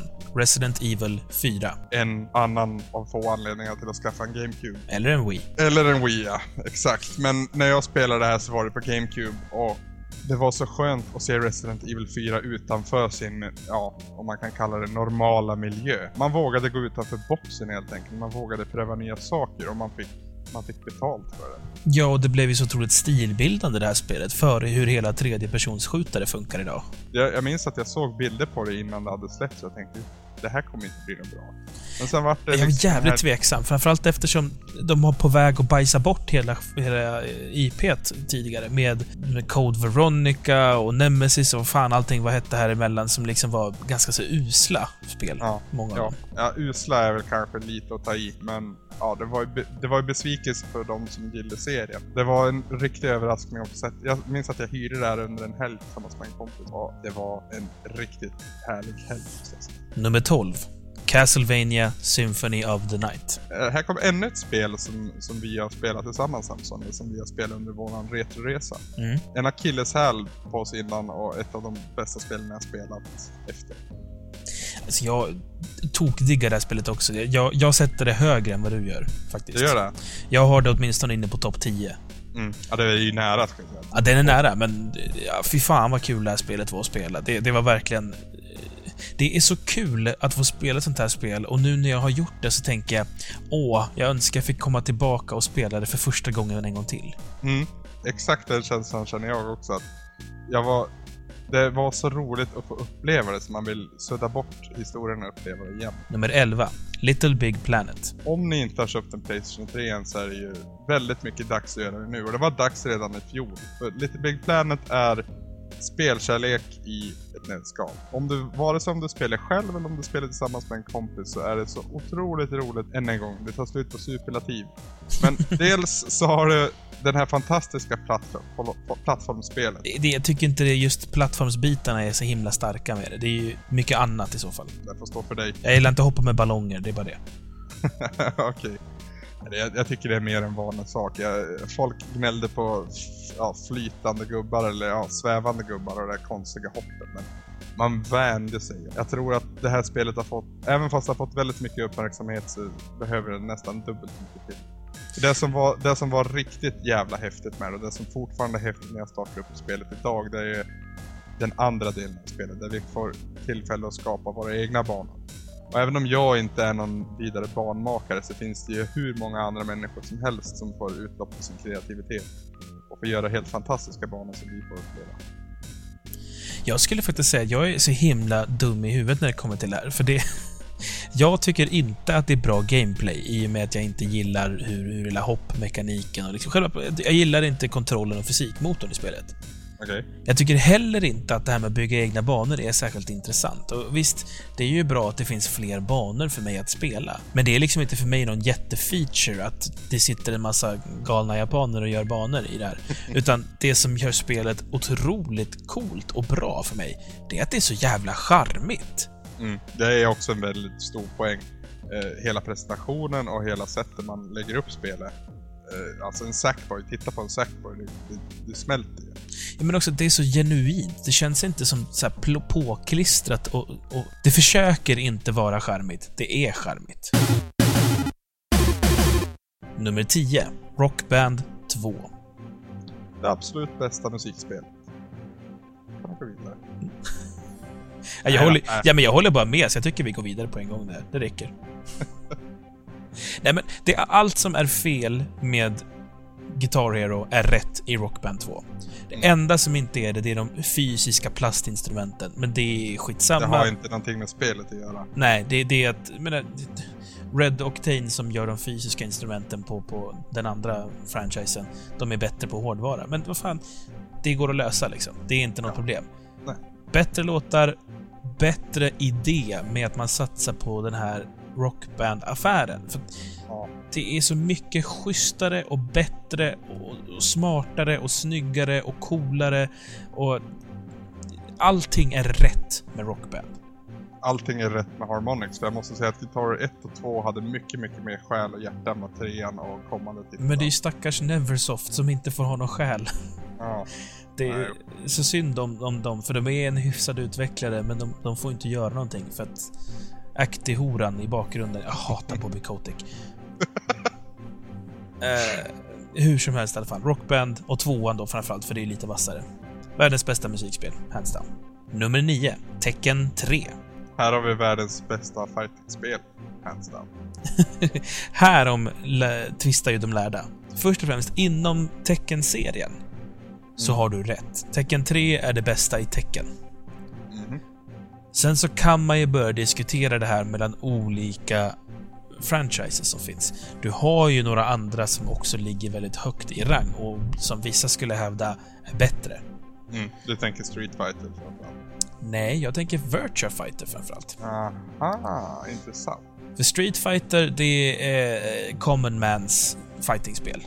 Mm. Tekken, det är hardcore mans fightingspel. Mm. Virtua Fighter, det är thinking mans fightingspel. Mm, det kan mycket väl stämma. Så det, det, är helt beroende på vad man är som person. Jag är inte helt bestämd på vad jag tycker är bäst. För att eh, jag har fått uppleva det här som kallas för virtual high. Okay. Som är alltså, det, det, det, går inte riktigt att beskriva exakt vad det är. Men det är alltså ett tillstånd som inträffar när du... Nu blir ju det här hippie pårökt skitsnack typ.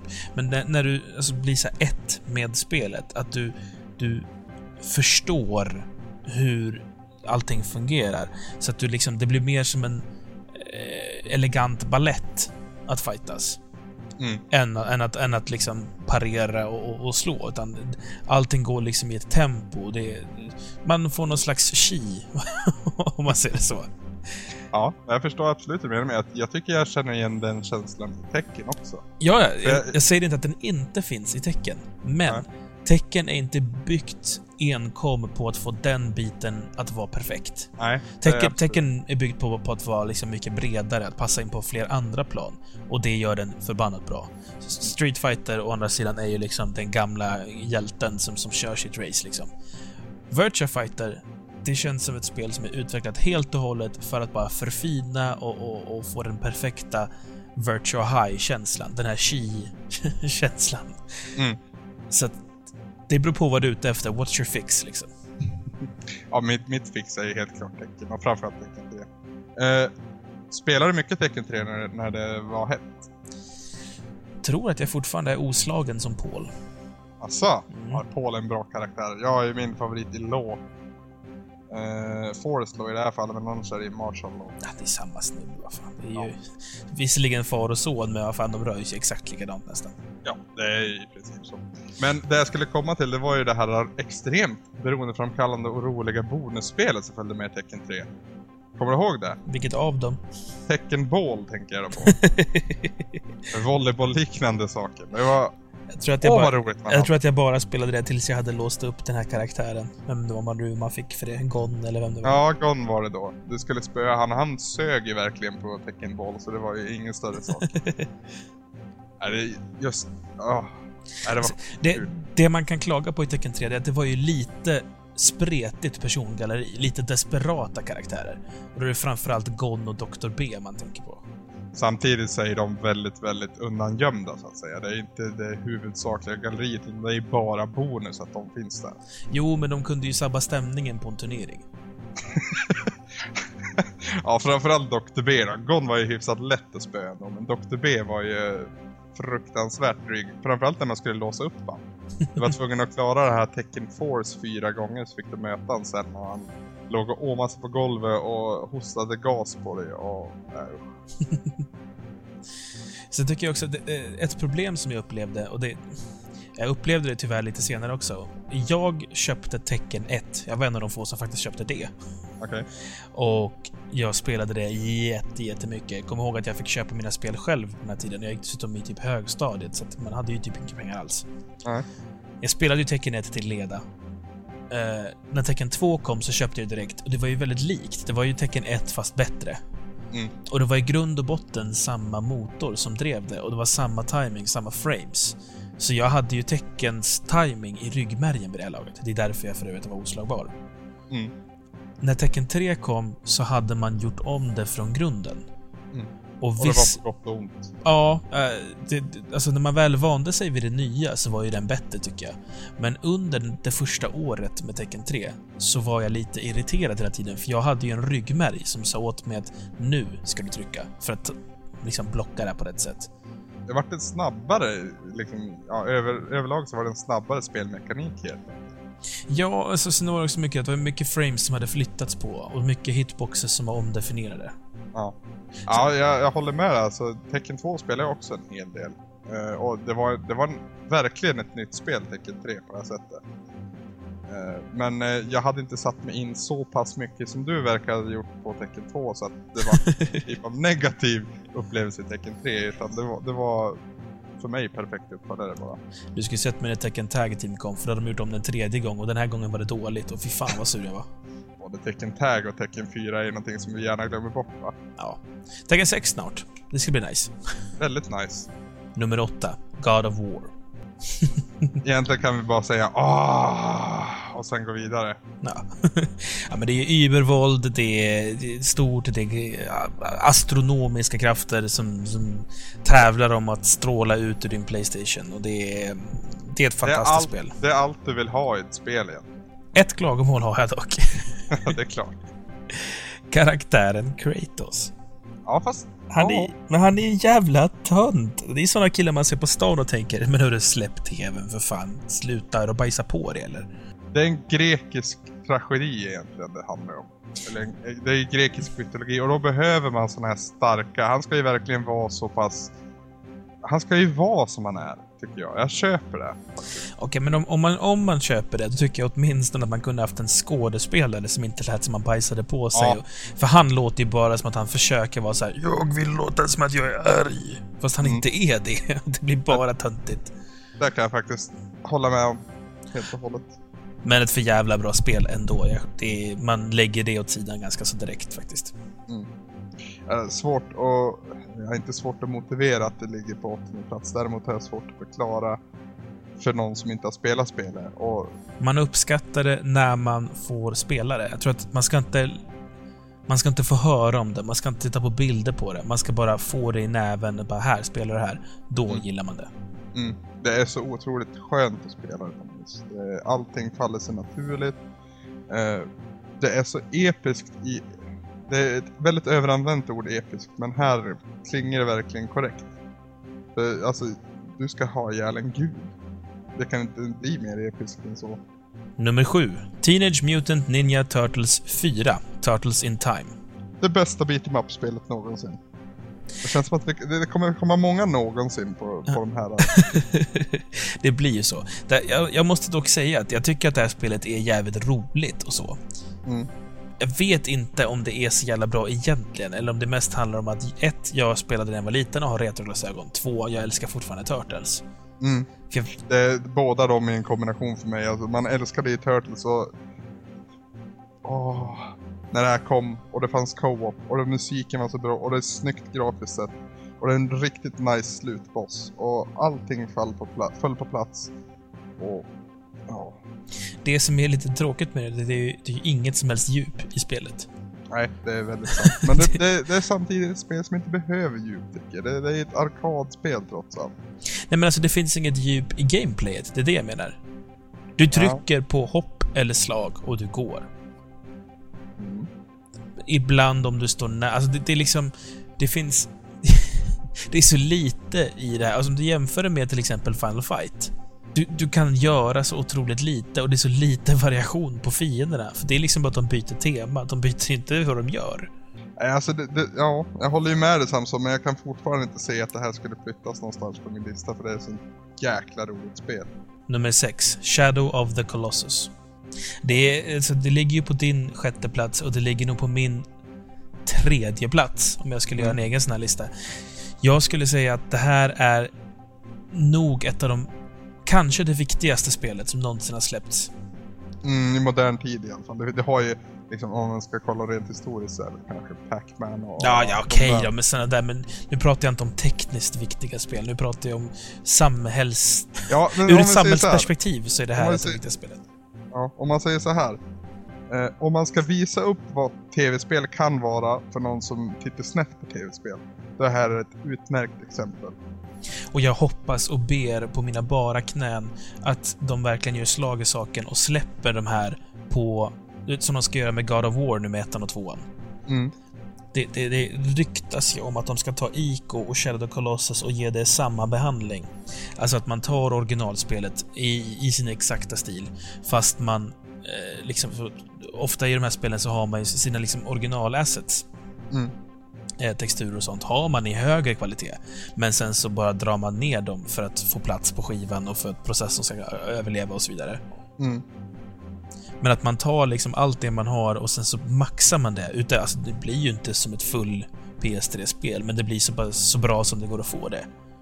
Mm. Och plus att tänk att få spela Shadow of the Colossus med 60 frames per sekund. Börjar nästan gråta bara jag tänker på det. Alltså det, det är ett sånt fantastiskt spel, det är ett sånt otroligt bra koncept. 16 bossar, that's it. Det är liksom ingenting annat, ingenting i vägen, ingenting som stör. Det är du, din häst, ditt svärd och 16 bossar, that's it. Det är så kul att du nämner hästen här också, för alltså relationen som uppstår med din, med din häst och, och din karaktär. Alltså, det sägs inga ord och det är ingen text som beskriver det, utan man bara förstår det själv som spelare.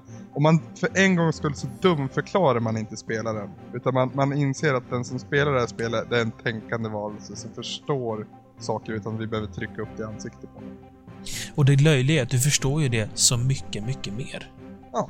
Alltså, jag har så mycket mer insyn i förhållandet mellan den här pojken och hans häst än vad jag har med någon av karaktärerna i något i, i, Metal Gear Solid. Mm. Det är liksom, det är så mycket som blir sagt utan att det blir sagt. Som, som, ja. ja du har helt rätt i det du säger. Det, det, det är ett fantastiskt spel på alla sätt och vis. Och jag tror inte att ni kan hitta någon som har spelat det här spelet och inte vill rekommendera det vidare. Om den personen gör det så är den... Eller o- om ni hittar någon så är det en människa du ska akta dig för, för han eller hon är antingen en trendig jävel som försöker vara cool, eller helt dum i huvudet. Nummer 5. Zelda, A Link to the Past. Ja, Super Nintendo innehöll många, många fina titlar och många minnesvärda ögonblick. Och det är faktiskt en titel som, som tar sig förbi Zelda A Link to the Past, men det är med en hårsmån ska ni veta. Den fråga man kan ställa sig egentligen, det är ju vad det är som inte är bra i Zelda A Link to the Past. Jag Och kan inte finns- komma på någonting. Inte jag heller. Det kan ju vara så att det här inte är din typ av spel, att inte du gillar det här Nej, det kan det inte alls vara. Nej men jag kan köpa det, men ändå. Alltså det här är ett sånt spel som inte man inte ska bry sig om vad man tycker om och inte. Det här är bara ett spel som alla ska spela och alla kommer att älska när de väl gör det. Alltså, man behöver faktiskt bara spela introt. Mm. Sätter du vem som helst framför det här introt, om det, är en människa som ett kan läsa, två kan engelska, tre har fingrar, Mm. så kommer Ja. de älska det här spelet. Det är liksom ingen diskussion. Nej. Jag hade satt det på första positionen, kan jag säga, på rak hand. Jag, jag sätter det inte så här långt ner som på en femte plats. Ja, det är inte långt ner. För att vara Zelda 3 är det långt ner. Nummer fyra, Mega Man 2. Och så har vi äntligen det absolut bästa Mega Man-spelet. Japp. Och det råder ingen tvekan om det mellan oss. Däremot så är det ju många andra som säger att trean är bättre och det finns även de som säger att det finns att del 4 och till och med del 6 är bättre. Va? Vilka är det? Ja, ja, jag vet inte. Vi ska letar upp dem och har ihjäl dem nu. Nej, alltså, det är ju... Än en gång, det är en smaksak. Men Mega Man 2 finns ju på listan för att Mega Man är underbart. Underbar spelserie egentligen. Men Mega Man 2 är ju toppen av det här berget. Den officiella Megaman-listan över vilka som är bäst är ju egentligen då 2, 3, 1, 9, 4, 6, 5, 7. Jag vet inte om jag skulle sätta ett så pass högt. Men det är för att du inte har spelat det så mycket. Nej, det kan, det kan stämma. Man, man spelar ettan typ två, tre gånger och sen så fick man, kom man över tvåan. Och då fanns det egentligen ingen anledning att spela ettan. Fast jag har spelat dem i kronologisk ordning. Ja, jag också. Under Retroresan faktiskt. Okej, ja men... När de kom. jag minns när vi sa åh, snart kommer Mega Man 2. Fy fan vad häftigt. Det var alltså en av dem, för alltså grejen var ju att Mega Man 1 fick ju inte alls något genomslag. Eller in, i alla fall inte det de hade hoppats på borta hos Capcom. Grejen att jag älskade Mega Man 1. Alltså jag... eh, Mega Man 1, det var något som klickade mellan mig och Mega Man. Han var liksom bara... Det var något som var jävligt rätt med den karaktären. Jag föll för honom på en gång och sen dess har vi liksom gått hand i hand. Ja men det är väl någonting som är rätt med hela spelsättet egentligen. Det här ultrakorrekta och precisionen som, som, som finns där va. Men alltså, bara för att förtydliga varför, hur jag menar. Jag har eh, nio styckna Megaman-figurer, pixelperfekta kopior av Megaman, som är placerade i mitt hem. Alltså som... Det är liksom screenshots av Megaman, fast de är gjorda då i pärlplattor, sån här plast. Mm. Eh, så där jag har placerat honom överallt. Så att han står på en dörrkarm och skjuter, han glider över en eh, bokhylla jag har. Jag har liksom Megaman överallt runt omkring mig jämt. Så mycket eh, har han betytt för mitt tv-spelande och för mitt liv. Nummer tre. Super Metroid. Jag, jag, jag skrev en, en krönika i våras som handlar om sommarspelande där jag tog upp sommaren 95 där jag konstant under i princip hela den regniga sommaren spelade Super Metroid ensam i mitt rum. I ett mörkt rum var det oftast också. Det var en väldigt mulen sommar. Och det, det uppstod något, något magiskt just där. Det var ju just unikt också för att, eller unikt, men det var ju speciellt för att det var Super Metroid. För spelet handlar ju mycket om isolering och det här instängda och outforskade på något vis. det går inte att förneka att det är ett av världens absolut bästa spel. Det, det fattar alla som har spelat och har sett någon annan spelare eller bara hört någon prata om det. Fortfarande oöverträffat idag när det kommer till, ja, i princip vad som helst. Det är ett fantastiskt spel på väldigt många sätt. Jag tycker som sagt att Zelda är vassare till exempel. Ja. Men eh, jag tycker ändå att Super Metroid helt klart har sin position på topp 5. Jag tror inte det går att beskriva det här spelet på något annat sätt än en ren perfektion. Varenda bildruta, varenda del av spelet, varenda stycke som spelas upp. Nummer två. Metal Gear Solid. Och här har vi det första spelet som jag kände att det här... Det, jag minns att jag myntade uttrycket som jag inte skulle mynta idag, men det är som en film. när, när jag beskrev det för, för, min, för min kompis. Det är som en film. Och när han såg... För det intressanta här är att man har valt att göra alla videosekvenser med samma grafik och samma, ja, samma stuk helt enkelt som resten av spelet. Så resultatet blir ju att när du ser Snake när du, när du, ja, när, när han pratar med någon, integrerar med någon i en videosekvens så har han en väldigt fyrkantig, fyrkantigt utseende och, och så. Men det gjorde också att helhetsintrycket vart väldigt bestående och allting kändes väldigt enhetligt på något vis. Sen också, utöver berätteriet så är det ju faktiskt ett jävla bra spel gameplaymässigt. Ja, Det är kul att spela. ja. Hur man än spelar, man kan ju spela det på väldigt många olika sätt. I, I grunden är det väl tänkt att man ska integrera det med så få fiender som möjligt, i alla fall till en viss del av spelet. Du möter ju oundvikligen bossar och det finns en sekvens där du springer upp för trappor där du bara måste. Mm, det, det är den jag alltid faller på, för att jag, är, jag smyger jävligt bra i de här Ja. spelen. Så när, Jag tvingade mig själv att smyga jävligt bra för att jag var så jävla rädd för att dö i det här spelet. Det, någonting i stämningen, alltså nu, nu var jag väldigt fjunig när det här kom och man, ja, jag kanske inte hade reagerat på samma sätt idag men när jag spelade det här för första gången så var jag, det var, jag var rädd helt enkelt jag, för att bli upptäckt och när jag väl vart där då höll jag rent ut sagt på att skita på mig. så att jag tvingade mig själv att liksom riktigt kolla hur fienderna rörde sig och riktigt se vilken väg som är lämpligast att gå. Vilket tempo, vilken vägg jag bör ställa mig bakom och så vidare. Och det, det slutar ju med att man spelar i spelet på ett sånt unikt sätt. Någonting som inte har överträffats än så länge.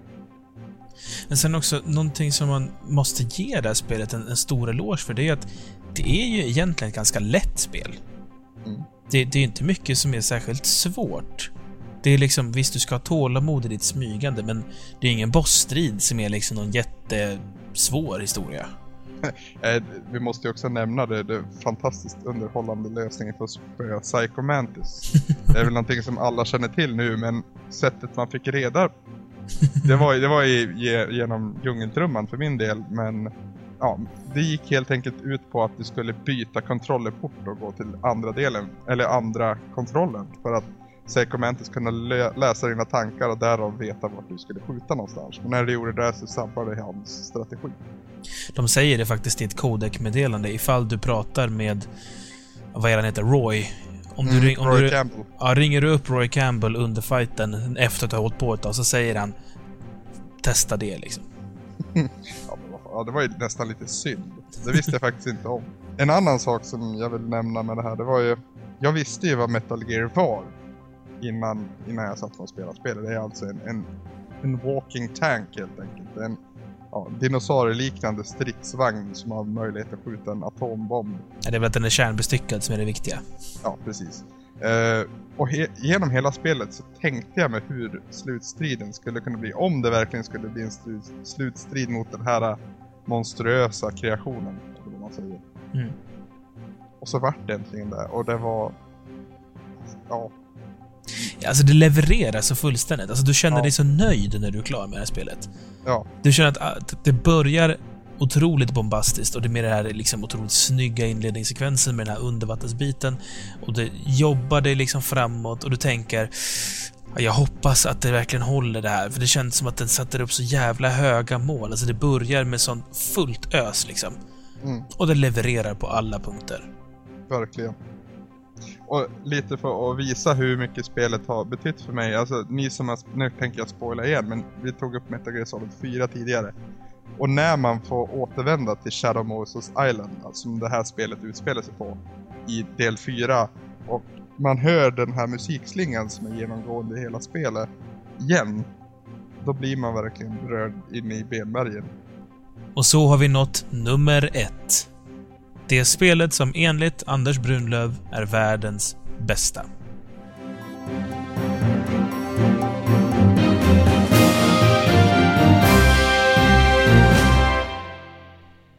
Super Mario Bros 3.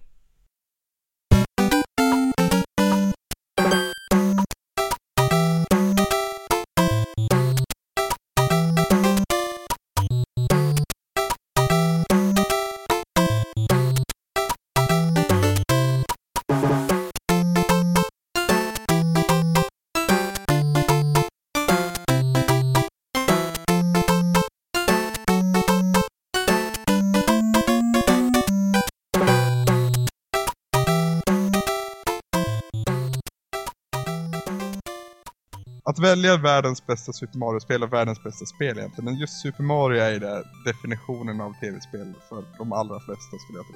Och välja det bästa, det är ju som att välja sitt favoritbarn egentligen. Men för mig är det Super Mario Bros 3 för att den variationen och det, den otroligt... Den, den, den spelglädje som det spelet bjuder på går inte att toppa. Och jag kommer aldrig att begära mer av ett spel än vad jag får i Super Mario Bros 3. Jag är ju lite kluven här, så jag tycker att det är ett jävla bra spel, såklart. Det är ju ett av de absolut bästa spelen. Mm, jag tror det är för enkelt att du ska riktigt... Men det är ju utmanande, alltså. Det är inget lätt spel. Nej, så är det ju. Det är lätt nu, men alltså sett någon som inte har spelat Super Mario tidigare, eller ja, tv-spel tidigare måste det ju bli då. Eh, så, så kommer han inte att klara det på första varvningen, helt klart. Ja, Anders, men det känns ändå som att nu... Det här blev ju en, en, en rejäl lista. det, det här. Det var ju lite det som var tanken. Ja, det, är- det är ju... Det är ditt lilla Magnum Epos. Mm. Men... Eh, jag tänkte, nu, nu när vi har gått igenom all, varenda punkt på din lista, så, så måste man ju ställa de frågorna som alla allihopa också undrar. Mm. Först och främst, den första frågan som jag har, Mm. det är om du nu sätter Orange Box som okej, ja, nu förstår jag vart det är på väg någonstans. då vill ju jag att du ska ha den här kassetten med Super Mario All-Stars och Super Mario World. Mm. För där Ja. har du ju de fem bästa plattformsspelen i ett kit. Ja, inte de fem bästa kanske, men ja, de allra bästa i en och samma kassett. Mm. Kan man säga. Och jag håller med dig Samson, och det här är någonting jag kom på senare. Helt enkelt. Jag, är lite, jag har lite ångest för det, men det känns, känns lite daltigt att börja stöka om nu och, och, och så. Utan Ja, jag, säger inte att du ska göra, jag säger inte att du ska göra om listan. Jag säger bara att Super Mario All-Stars, det är väl egentligen mest bara någonting jag vill ropa ut till hela världen att den kassetten med All-Stars och Mario World, det är det bästa du kan tänka dig i tv-spelsväg. Alltså All-Stars generellt, utan World-tillägg egentligen också, är ju jävligt bra. Ja, det, det är det näst bästa. Ja, det det. Ja, men du har rätt Samson. Någonting som slog mig efter listan var klar. Sen så är det ju förstås lite saker som eh, visserligen inte jag har reagerat så mycket på, men som andra har gjort. Och den, den riktigt stora, den som vi faktiskt måste ta upp, det är ju Ocarina of Time saknas ju helt och hållet från din lista här. Det är, det är mycket ett statement faktiskt. Jag har aldrig blivit vidare berörd av Ocarina of Time och jag har inte tyckt att det har varit speciellt roligt någon gång. Och det, det är väl lite genomgående intryck av hela Nintendo 64-eran, eller just för den konsolen. Att de spelen var så pass... Ja, nu vet jag att Ocarina of Time är ett jävla bra spel, men jag har det inte som en favorit helt enkelt. Inte som en topp 100-favoriten som gång. Jag, jag tycker att spelet är skit, så jag... så jag, skulle, jag förstår helt klart varför inte med. Mm. Eh, andra grejer som folk, andra människor har reagerat på, det är ju eh, en, en, annan, en stor grej som jag reagerar på. Inte ett Final Fantasy-spel. Ja. Och det finns ju en förklaring till det också, inte helt oväntat. Men det, här, det är det här som... sk- Jag vet, du, du tycker alltså att Backpacker 2 är ett bättre spel än Final Fantasy 7, 8, 9, 10? Jag, eh, Samson, jag kommer till det. Jag har inte spelat Final Fantasy-serien. Inte så pass mycket så att jag kan bedöma det på ett korrekt sätt. Men har du inte spelat något av spelen helt och hållet alltså? Nej.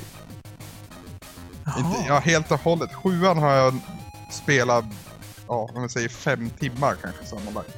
Men vi vet ju alla att det räcker inte till. Men gud Anders, det här är ju, det här är ju sorgligt. Ja, men det är därför jag har inlett mitt Final Fantasy-spelande nu. Just i denna stund, eller på att säga. Men just nu spelar jag Final Fantasy 4 parallellt med de spel som vi spelar i Retoresans vanliga jargong, så att säga. Så i nästa vanliga avsnitt av Retoresan kommer ni få höra en statusrapport hur det går för mig och vad jag tycker. Jag är väl medveten om att troligtvis kommer många av de här spelen, Final Fantasy och även andra RPGs för den delen, lista sig in på den här listan så småningom. Men så, det här är listan som gäller just nu. En annan sak man reagerar på det är också att du har inget Halo-spel med till exempel. Vad ska det vara med för? Ja, det är alltså som ganska så bra spel. Jag tänkte om du hade spelat och uppskattat dem kanske? Ja, jag har spelat dem men jag har inte uppskattat dem. Inte, inte något igen. Alltså ettan är ju bra men inte topp 100 bra. Och sen dess har det inte kommit någonting bättre än ettan. Jag fick ju... Jag fick ODST nu som jag ska recensera till sommar. Åh, stackare. Ja, jag känner så själv. Och lyckligtvis är kampanjen inte så lång. Och så får jag faktiskt tillfälle att sänka medelbetyg på Metacritic. Du får hooka upp Jorge, han brukar spela också. Ja. Kan du testa av co-op lite? Ja, jo, det känns som att det är co-op jag ska köra igenom i huvudsak. Eh, men eh, alltså det, det går inte att förneka heller att det är bra produktionsvärde på spelarna och allt det där. Men jag har aldrig varit fan av serien och kommer troligtvis, uh, kommer troligtvis aldrig vara heller. Det är många spel som man kan tycka saknas, men man ska också komma ihåg att det här är ju inte någonstans ett försök att skapa den någon slags komplett lista, utan det är din egna lista för just nu. Mm, exakt. Och som jag sa i, i början av, av det här maratonprogrammet så...